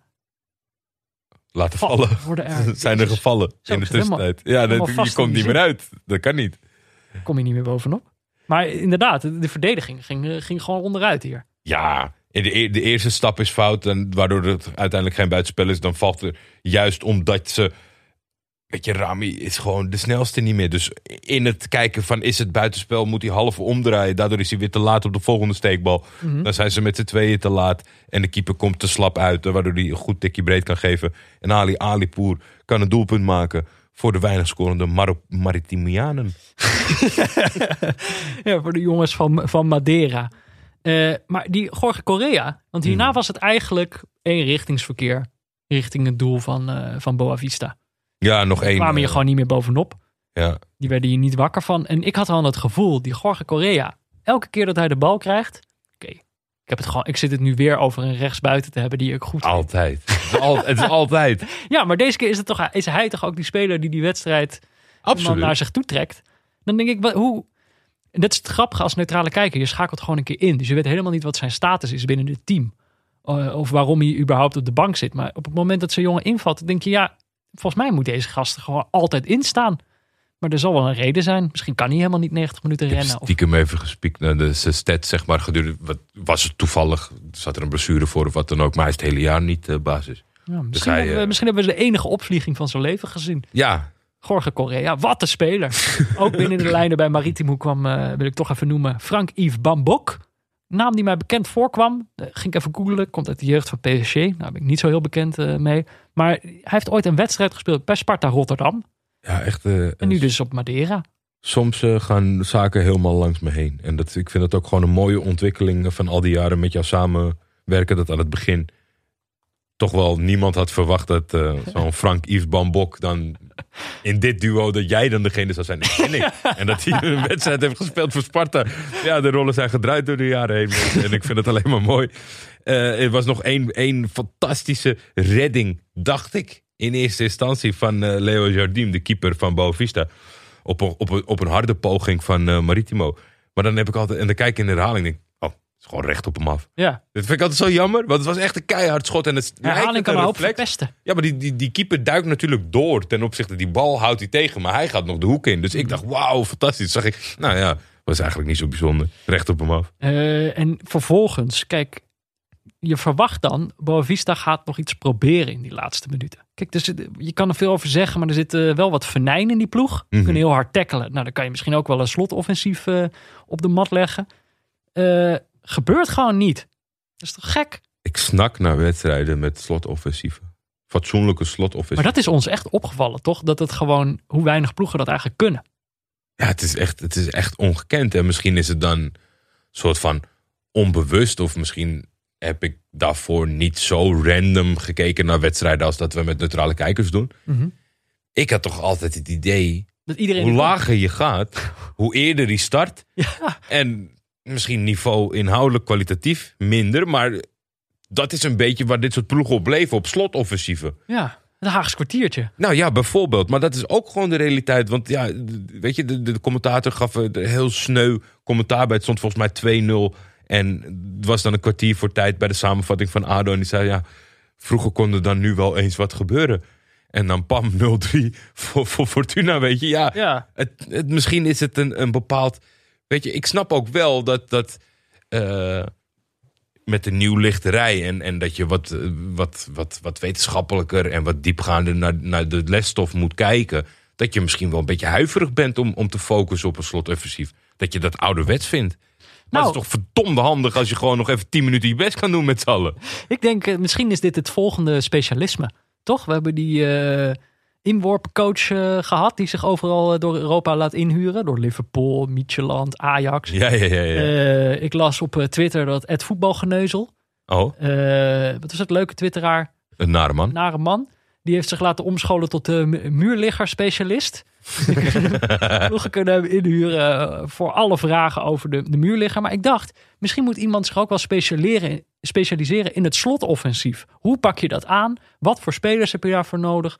Eh, en dat zo iemand zich gewoon eh, door heel Europa laat Het, inhuren. het is, natuurlijk, het is al vaak besproken ook, omdat ploegen die eh, een bepaalde manier van voetballen hebben, dan vaak beticht worden als niet loop, zeg maar, van waarom is er geen plan B? Het plan B. En ik, ik, ik vind ook een vermoeiende discussie wat dat betreft, en het is veel genoemd, maar het, het moet toch wel kunnen, zeg maar, een soort van dat je. Plan meemaken. Nou ja, je moet toch gewoon beheersen om opportunistisch. Als, als je dat als ploeg zijnde niet kan opbrengen, Ja. dan heb je eigenlijk niks te zoeken. vind ik. Je probeert wat, oké. En op hebt een, ja, bij Ajax heb je op een gegeven moment, zeg maar, of, of, of een Manchester City, Barcelona, wil ik best aan meegeven, Napoli, van dit is onze filosofie. Wij gaan het zo proberen en wij geloven eerder dat we eh, een mannetje wisselen of hem iets schuiven, dan dat we echt eh, volle bak gaan aanvallen, blind naar voren. bal op Want Mike van der Hoorn. Ja, maar alles, alles eronder moet dit gewoon beheersen en moet gewoon voor elkaar strijden om een punt binnen te halen. En je hebt dan, laten we zeggen, 75 tot 85 minuten iets geprobeerd wat je niet is gelukt. Prima, probeer even wat anders. Ja. Wat vaak over de hele wereld toch nog tot een puntje of een overwinning heeft weten te Dan leiden. heb je een multimap vol met waar iedereen moet staan bij een eh, indirecte vrije trap. Maar je weet niet wat je moet doen bij een slotoffensief. Ja, Dat is dat, een eh, punt, puntje van verbetering. ja. Eh, nou, het blijft dus gewoon eh, 0-1 voor Maritimo. Degradatiestrijd eh, is in het voordeel van Madeira eh, beslecht. Dan is eigenlijk de vraag, dacht ik, eh, daar hebben we het helemaal nog niet echt over gehad. Tuurlijk, tijdens het neutrale kijken begin je altijd de voorkeur te voelen voor een van de twee ploegen. Dus ik dacht, moeten we even. Nog geen van deze ploegen is definitief gedegradeerd. Nee. Eh, ze kunnen er allebei nog in blijven. Ze kunnen er ook allebei nog uitvliegen. Wie gaat er degraderen, denk jij? En wie gun je het om te degraderen? Poeh, ik moet heel erg zeggen dat zeg maar, vanuit, de, vanuit de nostalgie eh Boavista op voorhand mijn, mijn voorkeur had. Het is heel moeilijk om daarbij te blijven gezien de wedstrijd. Ja. Maar als je dan het hele povere Maritimo er tegenover zet, zeg maar. Mhm. Dan is het ook wel weer moeilijk om, eh, om helemaal overstag te gaan en mijn Boavista te laten vallen. Dus ja, wat, wat is mijn conclusie? Maritimo heeft heel weinig bij me losgemaakt. je hart niet gestoken? Nee, en dan zeg maar het soort van... eh, het slechte en, en wanstaltige Boavista met de Rami en dat soort dingen. Nou, dan, hoop je dat die misschien per ongeluk nog Hm. achter zijn standbeen een doelpuntje. Maar jij kan, kan, Maritimo was niet, niet attractief genoeg om de nostalgie weg te poetsen. Nee. Eigenlijk kan je niet van dit Boavista houden. nee, dat is ook. Ik heb dus gewoon het idee. Als ik naar deze wedstrijd keek, dan ik, die zitten echt gewoon in de problemen. Ja. Ik kreeg er gewoon een slecht gevoel van. Ja, ja, ja, Het komt ja. niet zo heel vaak voor. Dat je echt denkt, oei, dit, is, dit klopt op geen enkele manier. Eh, ik had een beetje, het is het gevoel, in Nederland hebben we natuurlijk ADO. Gewoon dat het, het klopt gewoon op geen enkele manier. Nee. De ploeg die je ziet, het beleid erachter, d- d- het klopt gewoon niet. En dat was hier ook zo bij Boa Vista. Adil Rami hebben we natuurlijk genoemd. Ja, is gewoon een Franse verdediger die ooit op eh, heel hoog niveau heeft gespeeld. Is gewoon oud international. Is natuurlijk gewoon een beetje... Mooie wenkbrauwen. Ja, mooie, mooie wenkbrauw. Wel een beetje een rare man. Absoluut. Toch? Rare man. Eh, hij, hij is een beetje een soort halve rare Franse celebrity geweest. En dan had hij zich. Hij is toch ook bij clubs weggestuurd. Omdat hij dan in de voorbereiding niet kwam opdagen. Omdat hij bij de opnames was van Fort Boyard. Waar hij dan over had. ja, Ja? Had hij dan over gelogen dat hij daar was. Hij- en dan. Het is jammer en dat dan ik nu je, zien niet... ze op tv gewoon van... Hé, hey, jij bent bij Fort Boyard. What the fuck? Eh, Het is of een andere dat Franse reality show of zo. Het is de eerste keer dat ik het jammer vind dat we geen videostream hebben. Want ik vind als we Fort Boyard vallen, dat we ook altijd die kleine mannetjes... Nou, niet zo zeggen hoeveel sleutels je hebt. Maar, eh, en hij had een relatie met Pamela Pamela, Anderson. Anderson, Ja, ja, wat ook allemaal niet heel netjes is gegaan, geloof ik. Dus je haalt zo'n gast, haal je, haal je helemaal aan het einde van zijn carrière, haal je nog zo'n... eh, nou, ik heb mijn tackle zien maken. Het is niet, zeg maar, je haalt niet per se een leider in huis. Je haalt Nee. gewoon een extra onzekerheidsfactor in huis. Verder, in deze selectie zat ook Gavi Garcia. Mhm. Die nog volgens mij bij Manchester City en eh, was het niet ook Real Madrid of zo? Die heeft toch bij hele grote clubs gezeten. Is nooit Mhm. helemaal geworden wat dat kunnen worden. Maar die zit dan ook op later leeftijd bij deze club. Speelde niet volgens mij omdat hij geschorst is. Die heeft twee keer rood gepakt dit seizoen.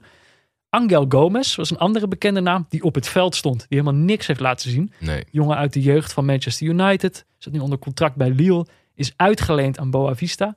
En dat Boa Vista heeft 10 huurspelers. Van de 23 selectiespelers is zo'n beetje de helft. Is allemaal op, eh, op huurbasis gekomen. Het is moeilijk voor mij om daar heel erg kritisch om te doen. Want dat is een beetje de samenvatting van mijn eh, voetbalmanager Twitch-avontuur. het zuren van spelers. Ja. Maar in de praktijk is dat toch niet handig dat je met, eh, met tien, eh, tien potentiële Nou. basisspelers die Maar dat is toch het gevoel geen bindenis hebben met de club. Precies, dat is toch het gevoel als je naar kijkt. Ja, De zeker. spelers ja. allemaal denk ik, ben volgend jaar toch wegboeien. Pak gewoon, pak gewoon rood als het me niet zint hier. Maar nu we het er zo lang over hebben, dan, dan snap ik, en, en dat is misschien een klein, klein beetje waar, maar er is toch iets gek, vind ik, met die, met die Portugese competitie. Is dat wij best wel negatief ons uitlaten over deze wedstrijd. Ja. En ik kan niet zeggen dat ik me verveeld heb of dat ik me zwaar geïrriteerd heb aan deze wedstrijd. Nee. Dat, dat, en dat is, gewoon- dat is gewoon opmerkelijk. Dat er, er is een bepaalde sereniteit of een bepaalde rust die het uitzet als, als, als zeg maar dit, zo- zo'n wedstrijd, is ook wel eens een teleurstellende topper geweest in, in een van de top vijf landen. Als dit City United was geweest, nou dat is Dan word je woedend. het stoom uit mijn oren. en dan zeg ik, Peter, dit is de laatste keer dat je me hiertoe hebt weten te verleiden. en nu kijk je ook gewoon naar, naar 22 hele slechte, matige voetballers. En het, het, het is gewoon best wel chill. Ja. Kan niet Gewoon anders zeggen. Ontspannen zondagmiddag. Ja. Ja. ja, verder voor de stand. Boavista is nu naar plek 16 gezakt. Ze zijn eigenlijk ze hebben een stuivertje gewisseld. Ja, Maritimo is, eh, is Boavista voorbij gegaan op de, op de stand. En toch, die hebben van de laatste vijf wedstrijden, heeft Maritimo er eh, drie gewonnen. Hmm. Die hebben de weg omhoog wel ingezet. Nou ja, Emmen is het Emmen van eh, Portugal. ze kunnen nog eh, zesde worden. Ja, het Emmen van Portugal. Ze kunnen gewoon nog zesde worden. Eh, ja, nou, we zullen het zien. En later dit seizoen, in de slotaflevering, zullen we iedereen nog wel updaten. Zeker weten. Over hoe deze ploegen het er precies van hebben Misschien haalt Nationaal het wel, mathematisch kan het nog. Kijk, wat we natuurlijk moeten vragen voor deze ploegen die op wie de degradatie spoken aan het jagen zijn. Moet je natuurlijk vragen, hoe voorkom je dat? Hoe blijf je uit de handen van het degradatiespook? Ja, dat kunnen we natuurlijk maar aan één iemand vragen. Ja, de voetbal international legende. Pieter, Pieter Zwart. Zwart. Vertel maar, hoe, eh, hoe moeten ploegen het voorkomen om te degraderen? Kijk een pressing. Kijk een pressing. Wat moet je doen om niet te degraderen? Het antwoord op die vraag is verrassend simpel. Niet de slechtste zijn. Dat is ook meteen de grootste denkfout die je kan maken. Denken dat je over de hele linie goed moet zijn om erin te blijven. Dat is onzin. Neem Stoke City. Dat jarenlang in de Premier League gebleven is door slechts een paar specifieke dingen goed te doen. Met fysieke kracht de eigen 16 verdedigen, plus toestaan bij standaard situaties. Een ander onderschat element onderin, het aantrekken van een goede keeper. Het verschil tussen RKC vorig jaar en dit jaar. Met name Kostas Lamproe, die van alle keepers de meeste doelpunten voorkomen heeft in de Eredivisie. Zoals de opmars van FCM ook niet los te zien valt van de komst van Michael Verrips. Eigenlijk is dat alles wat je moet doen. Iets vinden waarin je beter kan zijn dan anderen en dat maximaal uitbuiten. Kijk een pressing. Kijk een pressing. Het slotoffensief, zeg ik dan eigenlijk. ja. Daar moet je goed in worden. Als je daaruit kan in specialiseren. Maar ja, het is, het is, ik, ik, het, het is vaak zo, maar dan luister je naar Pieter en dan denk je eigenlijk, ja kijk, het, het, het moet uiteindelijk, maar waarom degraderen er nog ploegen? Ja, Zo simpel. Nou, dat is gewoon. Dat is natuurlijk wat het hele Super League drama ons ook weer heeft geleerd. Dat het gewoon ook. Het zijn, het zijn allemaal ook niet zulke snuggere mensen die het aan het doen zijn. het is toch gewoon zo? Ja, zeker. En dat vergeet je keer op keer weer. Het is een miljardenbusiness. Maar het zijn wel gewoon allemaal mensen die het vertikken om de juiste beslissingen te nemen. Goed, dan zijn we alweer toe aan het gecrowdsourced onderdeel van, eh, van de aflevering. Onze vrienden van de show hebben het privilege om namen in ons script te zetten. En wij moeten dan eh, raden waarom ze dat hebben gedaan. Nou Jordi, het is Namen. Is weer een, na- een lijst namen. We hebben het geweten ook. Ik dacht we moeten beginnen met de broertjes Higuain. Federico werd op de namenlijst gezet door Bart de Vries. En Gonzalo werd op de namenlijst gezet door Minne Groenstegen. Eh, ja, spelers van Inter Miami, club waar we het vorige week over hebben gehad. Toen eh delfden ze nog het onderspit tegen LA Galaxy. Eigenlijk tot onze vreugde. Vonden we het toch wel prettig om te zien. Eh, maar het record dat ze zelf vorig seizoen hebben gezet, namelijk door de eerste vijf wedstrijden te verliezen, gaan ze dit seizoen niet verbeteren. Nee, want ze hebben gewonnen. Ze hebben gewonnen van Philadelphia, dankzij goals van Federico en Gonzalo Higuain. Dat is toch mooi. De broertjes, De broertjes. gebroederlijk samen. Nou ja, gefeliciteerd David Beckham. met, de, met de eerste punten in de MLS. Ja, het is toch ook ergens wel gek, want de, de, de kwaliteiten van deze twee broertjes liggen ver uit elkaar. En dan is het via een omweg toch nog mogelijk eh, om, om ooit op professioneel niveau Ja. samen te spelen. Ja, dat is leuk hè. Ja, dat voor zie ik eh, Davy en Robin Prupper niet doen. Nee, Wesley Sneijder heeft het wel gedaan, toch? Ja, ja, ja. Nou, ja. Heeft hij niet bij die amateurclub samen met, eh, met Rodney of Jeffrey eh, gespeeld? Ja, de- ja, dat zou wel kunnen hoor. Bij de DSH of zo, DSHC. eh, die, die, die club in Die- Utrecht. die reeks Daar- letters. daar, ja. nou ja, ooit was er een. ooit ging het, gingen de verhalen dat het kleine broertje nog talentvoller was. Rodney? Dat, dat is er niet uitgekomen. Nee, jammer, jammer. Heb je Ja. nog meer? Nou, ik denk dat we het ook moeten hebben. Eh, dit is namelijk een van de dingen die deze week is gebeurd. Oh jee. Degradatie van Schalke. Gerald Asamoah werd op de namenlijst gezet door Jeroen Gerards en eh, Dikke Ronaldo. en eh, Mark Oet, speler van Schalke 04, werd op de namenlijst gezet door Kieskikker. Ja, Schalke 04 heeft, is, is klaar, toch? Ja, klopt. En dat. Het zat er natuurlijk aan te komen. ja, Toch een beetje het nationaal van de Bundesliga. Ja, misschien wel meer dan dat. En het is ook echt wel, eh, weet je, de, de club die altijd tegen, tegen Nederland een beetje aan heeft geschurkt qua, qua, qua linkjes en dicht bij de grens en dat soort zaken. Het is wel triest dat dat, eh, dat dat gewoon kan gebeuren of dat ze het zo ver hebben laten komen. Het is natuurlijk altijd opvallend dat deze ploeg qua begroting op alle wereldlijsten fucking hoog staat. Ja, En, en dat, je, dat je dat gewoon met z'n allen presteert om dat, eh, om dat te niet te doen. En dat is gewoon ongekend. Ik zat van de week naar Simon Tjommer te luisteren. En, en er zijn nu gewoon wat clubjongens ingestapt die, die hun ziel en zaligheid erin leggen. Kijk, het is natuurlijk ook weer voetbal. Want wie zegt dat Gerald Asamoah een goede teammanager is? Hij niet. En wij niet. Maar hij doet het maar. En met de goede intenties. Maar is hij, is hij er goed in? En Mike Buskens heeft volgens mij een Ja. rol. Maar het ding is gewoon dat... en moet je je geld maar uitgeven aan Klaas-Jan Huntelaar?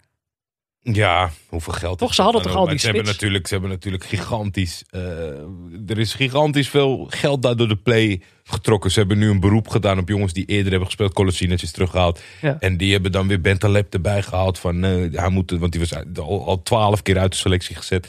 Het was een soort van. De oude jongens bundelen de krachten. En, dat, zelfs En dat degraderen. Maar het ding is wel, kijk, wat gewoon echt is aan voetbal. En, en dat is gewoon, de ene speler is wat sympathieker dan de andere. Ze hebben ook al hele stoïcijnse gasten gehad. Maar die Gerard Asamoah, die wordt vlak na de wedstrijd eh, geïnterviewd over de degradatie. En die staat Barst een traan uit. echt te janken. Maar je hebt altijd iemand kan janken of iemand kan janken dat bij je binnenkomt. En bij mij kwam het binnen. Ik heb volgens mij van de week nog at random getweet dat ik gewoon oprecht aan het denken was aan Gerald Asamoah. Die staat te huilen omdat het, ja, dat gun je zo'n man niet. En voor de rest heeft dat niks te maken met mijn verbindenis tot Schalke. Alleen, het is wel, ik denk, een van de extreemste gevallen qua het verprutsen van de mogelijkheden. Ja. Dat is echt, staan zij top, top. Eh, en was eh, Mark Oet, zijn auto was gesloopt, toch? Want de Schalke fans, we hebben het over gehad, die fans. Ja, heel zijn- gebroederlijk kunnen ze de Super League eh, eh, kapot maken. Maar ze kunnen ook gewoon de auto van Mark Oet kapot maken. Volgens mij is het, heeft het zelfs fysiek geweld plaatsgevonden naar de spelers toe. Na de degradatie. Ongelooflijk. Ja, Schalke, daar eh, überhaupt wat lelijke dingen over gelezen dit seizoen, die supporters. Ja, zeker. Want het was rondom dat wij naar ze gekeken hebben. Was er ook toen met dat ze een bedreiging hadden, hadden geuit naar de spelers toe. Van het is prima als jullie van Dortmund niet winnen. Maar we willen wel inzet zien. Maar het is ook gewoon. Kijk, het, het mooie van afgelopen week en de verbroedering en dat soort dingen. Dat betekent hoe diep het zit. Nou, dat komt natuurlijk ook op een negatieve manier omhoog. Op het Ja. moment dat je het uit je handen ziet Ja, glippen. dat is waar. Ik ben in Gelsenkirchen geweest. Daar heb je niet zoveel, hè, Peter? Eh, Dan heb je een stadion. En voor de rest eh, eh, huizen waar, je, waar de tranen van in je ogen schieten. En volgens mij hadden ze vroeger heel veel mijnen. Maar die hebben niks. Op elk, op elk cafeetje hangt de sjaal van Schalke. Want dat is alles wat ze hebben in hun leven. En Ja. ik ga ze, geweld nooit goed praten. Maar het extreme eh, eh, eh, verbroederen... wat we de afgelopen week hebben gezien... dat is niet, het is niet zo gek. Kijk, er zijn, af, er zijn rare en vervelende dingen in de wereld die gebeuren... maar die wel om een reden gebeuren. En Ja. die moet je altijd zien te beheersen. Maar, Maar dan denk ik, waarom, wat heeft, wat heeft Mark Oet nou weer verkeerd gedaan? ja, misschien reed hij geen Duitse auto. En toch nationale... Nee, dan was hij niet eh, stuk gegaan waarschijnlijk. Nationalistische jongens daar, hoor. Dus eh, ja, nee, eh, sneu, sneu. Ik, ik zag mensen echt achter, achter spelers aanrennen. Het is, verschrikkelijk, maar... Er zijn daar echt een heleboel mensen ja, die niks meer hebben. Dat niet, maar ja, tweede Bundesliga. Ja, wat, is daar eigenlijk zo, wat is er nou eigenlijk zo erg aan? Ja, Jan Regensburger uit. Of Holstein Kiel. Ja, wat is daar erg aan? Wen er maar aan. Ja, dan had je maar beter moeten spelen. Zo is het ook toch? Over degradatiespoken. Ja, oké, maar ja, dan kunnen die mensen op de tribune... die geven die, al het geld wat ze hebben... stompen ze in die, pu- in, in die put. In die bodemloze put. ja, ja, en dan word je boos op Mark Oet als het niet gelukt is. Dus ik denk dat er toch wel andere verantwoordelijke... Ja, het- Dat ligt een beetje... Ja, misschien was het ook allemaal niet. Het was geen rationele beslissing. Zo van als we nu Mark Oets auto kapot maken, dan komt het weer goed met Schalke. Dan draaien ze het terug. De. Ja. Misschien. Je weet het niet. We kunnen het altijd proberen. Nee, nou ja, het degradatiespook heeft dus eh, ook Schalke kan te grazen genomen worden. Maar ja, ik vind daar zie je ook gewoon het recept toch van een ploeg die eh, niet verkeerd heeft aangepakt. ja, absoluut. Eh, en dan kan je nog zoveel oude jongens halen. Ga je het niet meer redden. Ik had de naam Juan Manuel Cruz. Ja, leuk hè? Die werd door Jardinero Dat is in zijn de vader. namenlijst gezet. ja, dat vader? is, Is dat ja, Dinero, dat is Was dat de eh, bijnaam van? Julio Ricardo Cruz. Ah, De tuinman. want En dit is, eh, eh, nu dit- heeft hij een voetballende zoon. En die heeft zijn eerste doelpunt gemaakt, toch? Het is eh, ja, een, een eh, schitterend afstandsschot met een, met een dribbeltje voorafgaand. Ja, Poeskas Award. Sommige mensen zullen zeggen van wel. ja, de- een, eh, een, een, een, een eh, bijzondere voetballer vond ik zijn vader altijd. Ja, hè? Nooit, het is nooit echt... Het was geen... Geen charmeur. Nee, maar Meer een tuinman. Gewoon geen spits-spits, zeg maar. Zo een beetje houterig. En, en op een gegeven moment ging hij dan toch doelpunten maken. En ja, of een gigantische club als Inter zag het toch in hem zitten. En ik weet het niet. Ik, ik heb het altijd raar gevonden om hem te beoordelen. Qua hoe goed ik hem nou echt vond. Maar een beetje ook de schooljongen uiterlijk. Dat is wel grappig. Dat die zoon die zit er dan gewoon... Die heeft precies dezelfde uitstraling. ja. Ziet er ook gewoon zo uit. Hoe, hoe sta je eigenlijk tegenover... Want dat, ik bedoel, dat dit doelpunt de wereld overgaat... is dat het de zoon van is. Mhm. Zo, of in ieder geval dat het dan in Nederland eh, terechtkomt... en dat iemand het op onze namenlijst zet. Maar los daarvan, ja, hadden we deze goal niet, eh, niet gezien, zeg maar. Oh nee, zeker niet. Maar ja, Maar vind jij dan, vind jij het ook, vind jij het in- iets moois als dan de zoon van? Haaland is natuurlijk ook eentje, Schmeichel. het is natuurlijk wel mijn droom dat als Fik ooit gaat podcasten... dat hij dan meteen op trending staat. Ja. Omdat het de zoon van is. Nee, ja, nee, Peter, ik geef geen fuck. Ik vind altijd degene die er het, het, het, het, die het het beste weten te ontlopen... dat vind ik dan het knapst. Weet je, jongens die op zichzelf gewoon aan een carrière bouwen. Ja, Ik vind Turam een voorbeeld. Andere positie, zeg maar, dan zijn vader. En natuurlijk, als je dan een wedstrijd doet... als je niet elke week dat zit te kijken... dan zal je het benoemen, oké. Maar ik heb niet het idee dat iedereen de hele tijd... oh, dat is de zoon van, oh, dat is de zoon van. Sommigen weten dat te ontspringen. Ik denk dat dan alle partijen daar gelukkig mee zijn. ja. Maar ik heb hier niet specifiek dat ik denk van... ah, kut goal, dat zou je nooit zien omdat het, eh, omdat het zijn bekende vader is. Nee, dat, dat doet het niet. Oké, Dat doet het niet. oké. Johan van der Sande, die had eh Evert ten Napel. Evert ten Napel, die... Vorige week eh, nog deed het, nagedaan. jij? Of ik? Ze gaan als warme broodjes over de toonbank, Joeri. Ja, je hebt geen FIFA gespeeld. Oh ja, shit, weet ik het weer niet. Dit was eh, even ten Napel, ja. Nee, eh, Evert ten Napel deed het commentaar eh, bij Emmen. En Emmen is natuurlijk bezig aan een sprookje. Ik denk trouwens, ik wil, moet sorry, ik moet Ja. mezelf rectificeren. Nou onderbreek ik jouw Emmen-verhaal. Nee, geeft niet. Volgens mij is het, ja, ze gaan als warme broodjes over de toonbank, Evert. Was het juist Jury die dat zei? Ik denk dat Evert blij is met deze rectificatie. Dat die domme zin niet van hem is, maar van Ja. eh, Mulder. Nee, ik weet het vrij zeker. Maar Ja. dat betekent dat dus geen van onze luisteraars dit vorige week eh, is opgevallen. Kom op, ik dacht dat jullie allemaal wel FIFA 2003, eh, oh nee, 2005 moet dat zijn. Ja, maar ik denk dat mensen altijd later overgestapt, hè? Vroeger was het toch echt pest. Ah. Maar dat geheel tezijde. Evert ten Napel deed het commentaar bij Emmen, wat bezig is aan een sprookje. Ja. En als je een sprookjesachtige, fabelachtige Die ontsnappen hebt, aan is- degradatiespook, hè? Jazeker. Voorlopig ziet het er wel naar uit. Eh, Zelfs de, de, de rechtstreekse veiligheid eh, eh, lijkt in zicht. Maar er was een slotfase en, en, en Evert de Napel kan heel, ja, op zijn manier aangedikt, heel mooi dat, dat vertellen en opgaan in die emotie. En eh, dat, daar kwamen wat clichés naar boven die hij vaak toepast in zijn commentaar. Doet natuurlijk niet zo superveel commentaar meer als vroeger. En ik heb daar ontzettend veel waardering voor. Het is eh, zelfs neutraal. Want op een gegeven moment is even de Napel in mijn leven gekomen als de commentator van de twee belangrijkste wedstrijden, denk ik, die ik live heb gezien van Turkije met eh, eh, Kroatië en de ronde daarvoor Tsjechië. Ja, Heroïsche wedstrijden. En dat vonden mensen ook gewoon prachtig hoe even dat kan aandenken. Want de messen zijn geslepen aan de Bosporus. En Weet je, dat soort beeldspraak. ja. En daar wordt wel eens lacherig over gedaan. En daar wilde ik, daarom wilde ik het zeker behandelen deze week. Omdat het, dat, sentiment wat de commentator aan een wedstrijd kan toevoegen... daar moet ab- absoluut nooit lacherig over gedaan. Het is gewoon een vak apart. Ik vind dat Evert ten Napel, die kan... dat is misschien wel een ideale commentator voor een neutrale kijker. Omdat die... eh, een commentator kan je echt meenemen in de wedstrijd. Kijk, Ja, ja. De, de topcommentatoren die zich gewoon goed voorbereiden en topaffiches hebben. Jeroen Elsof, Wietse van der Groot, Mark van Rijswijk. Dat is prima, weet je. Die vertellen gewoon wat er gebeurt, zijn goed onderbouwd. En sommige wedstrijden hebben het niet nodig. Maar even te Napel, die kan ervoor zorgen dat je staat te huilen... dat in de slotfase Trinidad en Tobago op het WK een tegendoelpunt krijgt. Omdat je door hem bent bij de hand genomen Ja. in een duel tegen Zweden. Zweden Trinidad, Peter. Ja, daar geeft geen hond op. En het, het voetbal is niet goed. Maar als je dan toch weet mij een prachtige dag te bezorgen. En dat, dat, dat, dat facet hebben er niet veel. Ik vind dat we in Nederland veel goede gewone commentatoren hebben. Zeg Ja, maar voor het reguliere heel, eh, topwerk. Ja, Maar iemand die je, die je bij de hand kan nemen. En iets waarvan je je schouders ophaalt aan het begin. Die je zo meeslepend kan vertellen. Dat is eh, een, eh, nou ja, een oeuvreprijs eh, via de vrienden of via de namenlijsten voor Even ten Ja. Napel van mij. van harte. Dankjewel, Evert. Over geslepen messen aan de Bosporus gesproken. ja. Als de naam Boerak Yilmaz op de namenlijst wordt gezet, dit, in dit geval door Minne en Galit, dan laat ik die natuurlijk graag aan jou over. Het Maar was, misschien eh, had je hij me- was tijdens een tijdje afwezig geweest. Misschien had je me even op aarde moeten laten komen. Oh. Want na deze. Oh, eh, shit. na- Ja, na de volgende nu- ode. De ene ode Oké. naar de andere ode. Nee, dan schenk jij lekker je glas water in. Oké. Hij, hij is een tijdje afwezig geweest. We hebben het een tijdje niet echt over hem kunnen hebben. Hij is natuurlijk de spits van Lille. Mhm. Eh, levensgevaarlijk hebben ze hebben in Nederland ook genoeg meegemaakt wat deze spits allemaal kan. Hij doet het nog steeds. Eh dus een tijdje wat minder in, aanwezig geweest in de kampioenstrijd van Lille. Maar dit eh, weekend, in, gisteren, heel belangrijke wedstrijd tegen Lyon. Ja. S'avonds is de titelstrijd in Frankrijk bestaat nog uit vier ploegen. En Lille en Lyon zijn er twee van.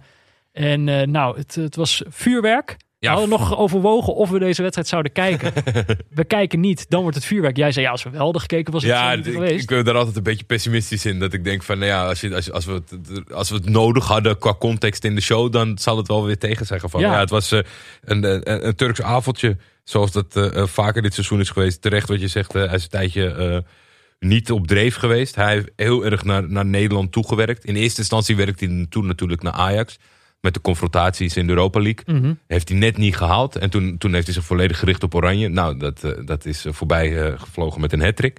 Met een fantastische vrije trap onder andere.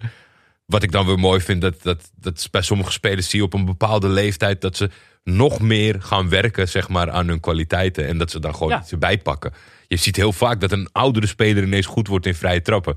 Eh, Daar zie je de echte toewijding zie je erin. ja, en Maar het misschien ook wel zeg maar richting het einde van je carrière. Dat je nog harder gaat werken om erbij te blijven. Maar hij is natuurlijk een beetje de vader van die groep. eh, door omstandigheden. Ik blijf het een, een magistrale transfer vinden. Natuurlijk was de mogelijkheid er ineens om hem aan te trekken. Maar zij gingen voor Jonathan David. eh, Jonathan David, sorry, is Canadees. Daar Ja, ging kan al- ook Frans hè? daar ging al het, al het geld naartoe. Van dit moest de opvolger worden van Osimhen.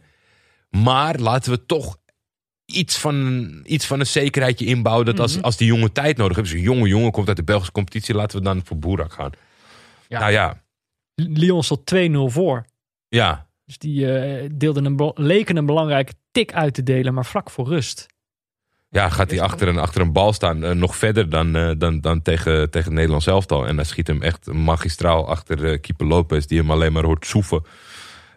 Niet veel later is hij alert eh, op een foute terugspeelbal van Paqueta. Legt hij hem perfect opzij. Kan zijn maatje David hem binnen tikken. Waarvan ik ook echt zie van... Dat hij... Het is een- supergierige spits. Hè? Laat, laat, dat niet, eh, laat dat voorop staan. Het is supergierige spits. Maar dan... Hij is nu die, die, die, die, die rol van, van ploegleider. En, en, en weet je... eh, dat hij die jongens wil stuwen naar die titel. Dat hij ook gewoon zo'n balletje opzij legt. Want eigenlijk wil hij hem zelf nemen, dat weet ik 100%. maar dan maakt hij, de- de- daar komt Ja. de 2-2 uit. En dan is er een inschattingsfout in mijn ogen van Marcelo. Na een, een, een, doorkopbal van Jazzetje.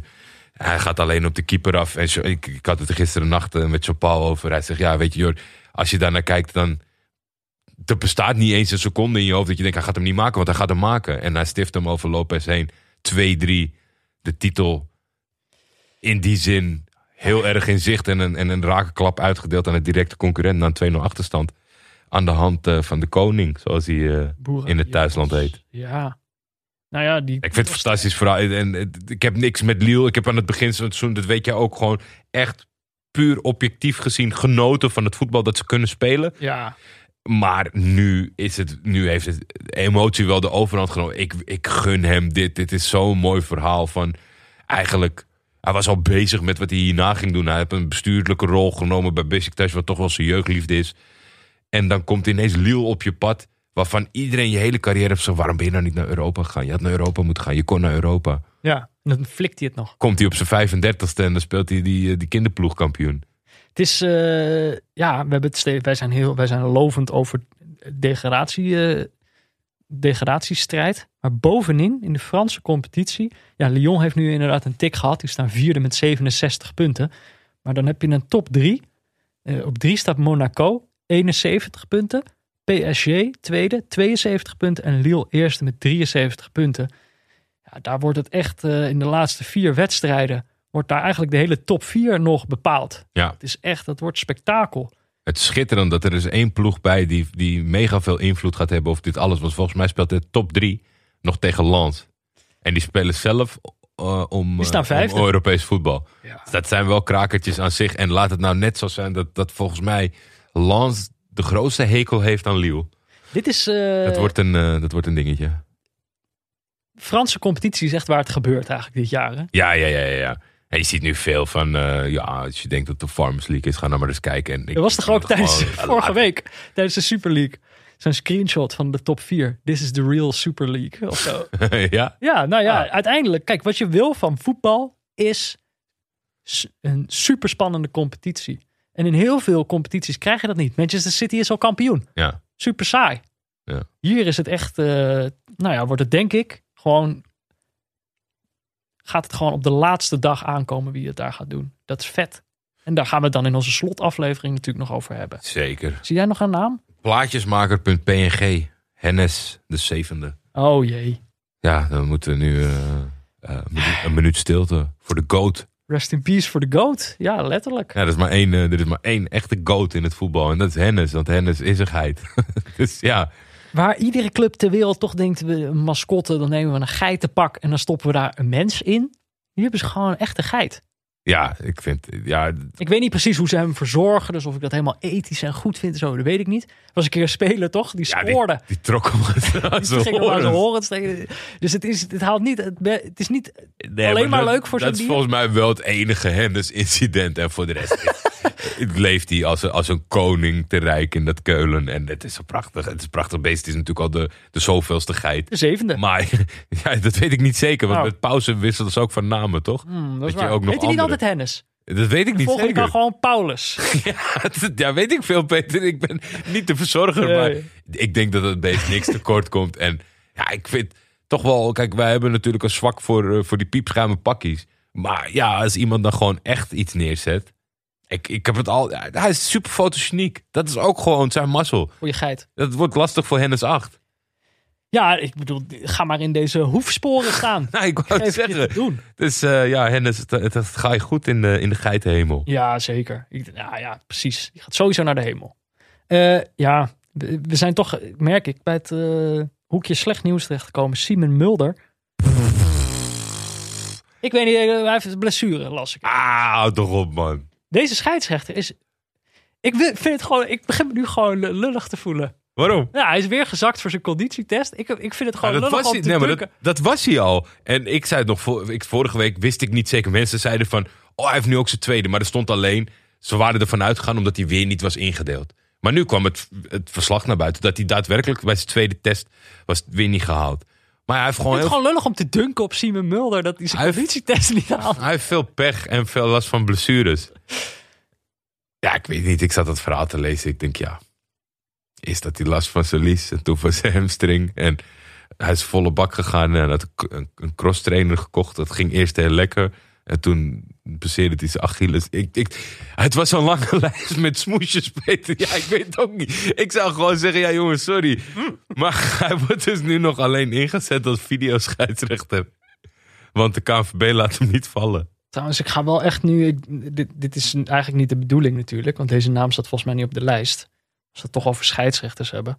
Wie ga je erbij? Wie ga je, wie ga je om Nou, nog een keer benadrukken. Kijk, eh, nu is officieel bekend geworden dat Makkeli naar het EK mag. Free Mario Dix. Ja, sowieso. Eh, dit is echt het slachtoffer van het moderne voetbal. We moeten allemaal, we moeten nu gebroederlijk in opstand komen tegen Makkeli. Oké, we hebben de Super League verslagen, maar deze gast flikkert gewoon zijn assistent eruit een maand voor het EK. Oh, en dan mag ook de halve finale Champions League fluiten. Dat was nou, het. Ja, ja, gefeliciteerd dat was nog, met eh, dat was nog een tweede inderdaad. Er kwam, die Champions League kwam erbij. Je wordt dus nog beloond ook als je zo ruthless bent. Als je gewoon fucking Mario Dix eruit flikkert. Eh, verder heb ik eh, volgens mij geen namen. Ricardo de Burgos Bengotea. Dat, was de scheidsrechter bij Sevilla Granada. Oh, dan moest iedereen terugkomen om op de laatste minuut. Oh, sorry, ik heb vroeg afgefloten. Die moet nog terug voor één minuut. Ja, Nou, vind ik wel netjes. ja oké. maar dat kan Slaat nergens op. Nee. Er is ook niks gebeurd in de laatste minuut, toch? Nee, maar aan de andere kant ja, moet je Granada de kans geven van wel. Maar het was gewoon heel slordig. Mhm. En, en ja, eh, ludiek. Will Grigg was on fire. Is dat zo? Ja, ik zag die naam er ook weer tussen. Will. Grigg had vier van de vijf doelpunten gemaakt dit weekend. Oh, speelt hij nog steeds bij eh, Sunderland? Nee. Oh. Waar speelt hij dan? eh, Vier doelpunten, jezus. hij speelde tegen Swindon. Of met Swindon. Hmm. Swindon down. Nee, hier zie ik Milton Keynes. Wilde Kindant? Zou dat kunnen? Ik weet het niet meer. Keynes Dons. Ze hebben vijf doelpunten gemaakt en Will Grigg had er vier. Ja, eh, Milton Keynes Dons. Will Grigg 4. Speelde Scott tegen Fraser Swindon? Ja, Swindon Town. Ja, zie je? Maar de ontzettend leuk natuurlijk voor Will Grigg. Die altijd, als ik zo kijk naar zijn carrière, het ene seizoen koopt, maakt hij er 20, het andere één. Ja, het is echt wel een beetje roulette of je hem, als je hem koopt. eh, is wat haal je binnen? Leuk dat die supporters dat hebben gedaan. Die hebben hem een soort cultstatus gegeven. Ja, Waardoor die groter is dan die door zijn prestaties ooit had kunnen worden. absoluut. Eh Matteo Cachera, die had er al Oh, ja. eerder op gestaan volgens mij. Matthijs van Asselt. We hebben hem ook benoemd. Jawel. Belenenses. Oh, het wel natuurlijk, met die prachtige goal. Ja, die gast, eh dat is natuurlijk oud Ajax-spits. Met zijn schaduw. eh, ja, ik dacht dat we hem vergeten waren. Nee, die blijft maar scoren. Ja, Hij heeft er weer twee gemaakt of zo dit weekend. top. misschien moet Ajax daar eens naar kijken. Misschien is waar, koop je. Als ze nog een terugkoopclausule hebben. En nog namen? Heb je meegekregen van de eh, eh, afkoopsom van Julian Nagelsman? Want Bayern München wil hem Bayern hebben. München wil hem hebben en die moet dan tussen de 25 à 30 miljoen gaan betalen aan Hoffenheim. Vind je daarvan? Ja, Daar een mening over? een hoop geld voor een trainer. Toch? Gebeurt niet zo vaak. Nagelsman is natuurlijk wel de... Die heeft zijn imago ook wel mee.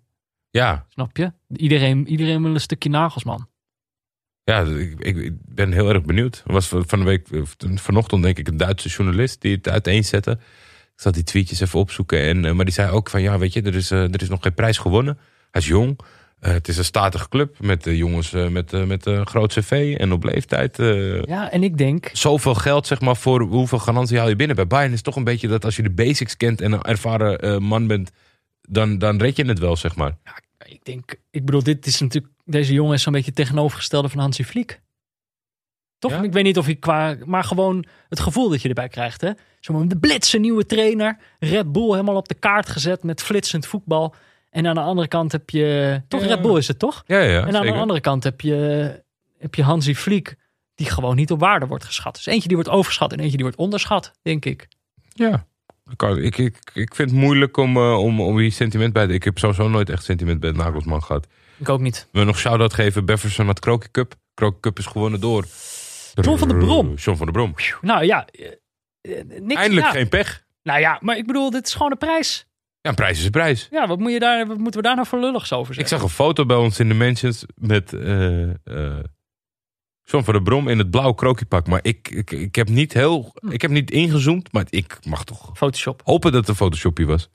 Ja, mag ik ook open. Anders, eh, John, kom op. Zo gek kan je het ook niet maken. Jordi had Steven Berghuis. Vond je het een goede tackle? Nee. Ik vond, ja, nee. Lelijke tackle. Niet doen! Nee? Niet doen, Steven. Het was, wel, het was absoluut een, een interessante, eh, interessante discussie gaande. eh, die ik aan het luisteren was toen ik naar hier naartoe onderweg was. Dan weet je De NOS voetbalpodcast. Of hij Ja. mee moet naar het EK. Of. Helaas was eh, Arno Vermeulen er niet. Oeh. Maar die zitten altijd, Jeroen Elsof en hij, over moet hij mee, moet hij niet. En Arno Vermeulen, die zegt van, deze jongen heeft, ja, ik chargeer dus, het is geen quote, maar een steekje los. Je kan niet op hem bouwen. Stel dat hij zoiets gek doet op een eindtoernooi, dan moet je hem niet voor meenemen. Het risico is te groot. Doet hij niet. En Jeroen Elsof vindt dat hij voetballend genoeg, goed genoeg is. Dat je, dat je, en dan denkt de andere omgeving, bla bla bla, dat hij wel mee moet. Wat, waar zit jij? Ik ben eigenlijk eh, wel voorstander van eh, Steven Berghuis. Ja, in, eh, in Oranje. Ja? Vooral omdat het natuurlijk de positie is waar je niet het, het best bezet bent. Ja. En gewoon, hij is een speler die, waarvan ik het gevoel heb dat we die de afgelopen tien jaar in Oranje vaak over het hoofd hebben gezien. Een soort, de- het is toch ook gewoon een degelijke speler. Die niet, hij heeft niet, hij heeft weinig tierlantijnen. Het is iemand die gewoon eh, toch wel eigenlijk Werkt voor zijn geld. nou, toch gewoon eigenlijk heel constant kwaliteit eh, op, de, op de mat legt. Ja, En ik vind dit, ik kan me gewoon niet voorstellen dat hij zoiets zou doen bij het Nederlands elftal. Hij doet zoiets bij Feyenoord, omdat hij gewoon ook wel voelt dat hij net iets te goed is voor die club. En dat is gewoon, dat brengt, dat maakt iets los bij zo'n speler. Maar als hij meer, bij het Nederlands elftal denkt hij toch niet dat hij de beste is. Volgens mij gewoon een jongen die je er prima bij kan hebben. ja. Maar aan de andere kant, ik heb nog twintig eh, aanvallers in de voorselectie zitten, geloof ik. Dus er moeten er een paar afvallen. En dan is dit natuurlijk wel. een paar weken voor het EK. Als je zo'n tackle maakt. Het spreekt niet voor je. Nee. Ik merkte heel erg dat toen het er net zo uitvoerig over ging, en dat gebeurt niet vaak, maar dat ik het niet zo eens was eh, in, met het standpunt van Jeroen Elshoff, omdat ik, maar dat, dat, kan- dat kan een verschil zijn, hè? iedereen is, is jubelend over deze jongen, maar ik heb toch een beetje dat als ik zo over een jaar kijk, ik zie niet zo goed dat hij Nederlands elftal goed is. Dat hij, ik weet wel dat hij eh, de, de, de, de drager is van Feyenoord, maar ik zie niet, zeg maar, het fantastische eh, dat, hij, dat, hij, dat, dat je zeg maar het risico moet nemen of het verhaaltje moet maken van hij zal in een andere omgeving niet hetzelfde acteren. Nee. Ik zie niet een goed genoeg speler om dat eh, erbij te halen Hey, allemaal. Je hebt natuurlijk ook andere spelers gehad die in de Eredivisie, en het is misschien de afgelopen jaren net een beetje anders geworden, maar je had zo'n hele periode waarbij je altijd kon zien, deze speler is te goed geworden voor deze competitie. Eh, bij Jan Vertongen had je dat heel sterk. Memphis had dat in dat laatste Zo, jaar. ja. Dat je gewoon aan alles ziet. Oh ja, deze, deze is gewoon te goed. Ja, Wijnaldum. Deze speler is gewoon te goed. Hij moet weg. Eh Matthijs de Ligt dat ook wel een beetje. Eh, dat je gewoon aan alles ziet van, oh ja, deze jongen is eigenlijk te sterk, te groot, te snel. En dat is Steven Berghuis niet, voor mijn gevoel. Nee, maar dat, dat, dat merk je ook. Dat op het moment dat, dat, dat dit zeg maar Feyenoord financieel slecht afgaat. En dat ze, wat gaan we doen, wat gaan we doen met hem. Dat de verhalen zijn, eh, moet PSV hem halen? Moet Ajax hem halen? Dat is toch al, dat is zeg maar, dat zegt toch al veel. Weet je wie ook nog in mijn voorselectie zit? Danjuma, Danjuma Groeneveld. Ja, die zou ik er wel bij. Die Die zou moet je meenemen, hè? Ja, het is stom dat ze hem niet, niet eerder getest hebben, zeg maar in de testfase. Je hebt nu geen testopties meer, toch? Volgens mij gaan ze niet meer eh, oefenen. Nee. Nee, nee joh. De competitie is afgelopen. Een week later eh, Gaan wij. is de selectie. Ja. Eh, jij bent er doorheen, merk ik. Ja. Oké. Eh, Ik weet ook niet waarom ik mijn laptop dichtklap, want er zijn ook nog allemaal dingen onder de namenlijst. Maar ik weet het niet. Nou ja, kijk, we kunnen het natuurlijk nog even hebben over Mourinho. Dat, vorige week kwam ik eh, thuis na de aflevering. Was hij natuurlijk net die dag ontslagen. Hm. En eh, ik zag dat hij wat had gepost op Instagram. Het filmpje met die, Instagram met, die, stories. met die persfotografen. Ja, was de, ik gewoon, nee, Dat was sneu. nee, allemaal Instagram posts. This is my life. Spelers uit, oh ja. Dat was triest. Dat hij met die camera ploegen. Dat hij zo gezegd. They never give me rest. This is my life. Even my friend Josh from Sky. Ik dacht, oh mijn god, walgelijke man. eh, allemaal spelers, of niet allemaal spelers, gewoon die paar spelers van Tottenham die nog wel even een Instagram post hadden van eh, thank you boss, eh, bla bla bla. Er waren er drie of vier of zo. Die had hij dan nog gedeeld in zijn Instagram stories. Eentje per ongeluk twee keer. Zeker dezelfde gedeeld. Maar gewoon eh, Dat is mijn lievelings. liefdesverdriet. Ja. Maar gewoon, hij ziet het. Hij ziet het. eh, hij ziet het. Al hangen. Dat hij, Nou ja, hij ziet hij, het ziet beroep uit zijn handen glippen. hij denk moet naar. Galatasaray. Hij, ziet, dat- hij voelt al dat dat moet. Het schijnt dus, ik weet niet meer wie dat. eh, volgens mij kregen we een mailtje daarover. Dat iemand zei dat hij deze week in, in Engeland eh, serieus al naar, aan Turkije werd gelinkt. Geweldig. Super grappig. Geweldig, ik zie het graag gebeuren. Verder, kijk, het lulligste was natuurlijk dat ze hem hebben ontslagen vlak voor de League Cup finale. Hij had nog een prijs kunnen winnen met Tottenham. Hij had Ja. gewoon de finale bereikt met deze ploeg. Hebben ze hem eh, een week voordat die finale was ontslagen. En dan komt toch, want dit is ook Tottenhams fout. De opvolger Ryan Mason krijgt dan gewoon de deksel op de neus. Ze hebben verloren Ja. finale. Dus eh, dat vind ik dan wel weer terecht. Verder, ja, Mourinho, sad, verdrietig. Gaat zien. Niet te lang over. Ik denk dat hij het EK gaat analyseren bij een grote zender. Nou, dat zou leuk zijn. Misschien wel bij ons. De deur staat altijd open. Altijd welkom. Hebben we nog nieuwe welkom vrienden? in Diemen. Ja, zeker. Ja? Het is natuurlijk een privilege. Alleen onze vrienden van de show mogen namen toevoegen aan onze namenlijst. Via vriendvandeshow.nl slash neutrale kijkers kan je vriend worden. Nou, dat hebben we er weer een hoop gedaan, eh Jordi. Yes. Ze zijn er weer bijgekomen. Ik zal ze er heel even bij pakken. Even kijken. Eh, Ivo, tussen haakjes, de Toppie of Floppy fan. Ah, Het is iemand die... eh, hij is de enige fan. De enige openlijke fan van het blokje Toppie of Floppy. heb je elke week de waarderingstweet, toch? We krijgen elke week een tweet dat hij heel blij is dat het blokje terug is. Het is ook terug dankzij hem. En nu is hij dus ook nog eens vriend van de show. Dus, Klasse, Ivo. Tori, Miguel, eh, heel intiem in je oor. Dit heb jij gezegd. Dus Is iemand is, citeert jou. Gijs, Bernd, Justus Frustus, Harry en Peters buurman. Oh, Nou, zou dat echt mijn buurman zijn? Geen idee. Anders is het gewoon een woordspeling. want leuke, Dat is mijn achternaam. leuke spin-off podcast. Zo heet ik. True crime. Echt Peters buurman. Peters buurman. Ik ga een podcast maken over alleen maar... Nou, ik heb hem weinig gehoord vandaag. Ik denk dat hij weinig thuis was. Heel rustig dagje vandaag. Eh, Maar ja, nou, toch jammer, toch ja. jammer dat ik dan weer zo'n dat ik ze een bepaalde hoek in moet drukken voor resultaat. Dat het niet uit, uit hunzelf komt. Maar ja, blijf, eh, Vrienden, deze zomer gaan we, gaan we er blijf vrienden worden. Ja, want we, deze zomer is. eh, ja, daar moet je bij zijn. Daar moet je gewoon bij zijn. Eh, even kijken. Volgende week, Jordi, dit is onze laatste reguliere aflevering. Het is de laatste wedstrijd die we gaan kijken, officieel. Op papier. Ja, nou, dat komt allemaal weer onhandig vrij, eh, uit we, dit we zijn, we zijn vrije jongens. hè. We doen wat we willen. We doen wat we Wie weet eh, komen er nog, eh, komt er nog een afleveringetje achteraan. Je weet het niet. Je weet het niet. Maar op papier, ja, voor ons is het eh, wedstrijd 34. Dus Mhm. ja, dan. eh, eh, Is het seizoen af? ja. Maar misschien kwalificeren we ons voor de play-offs. Dat zou kunnen. Eh, dat zou leuk zijn. Eh, nee, ja, we kregen een mooie tip. Sam Anne van Dijk. Die tipte ons een degradatieduel in eh, de Egyptische Premier League. Ismaili SC staat voorlaatste met 14 punten. El Entak El Harbi SC staat laatste. Militaire ploeg. Sajan. Militaire ploeg. Ja, een- een prachtige pitch van Sam Anne. Hou je, hou je je wapens op zak op het moment dat je in nood zit.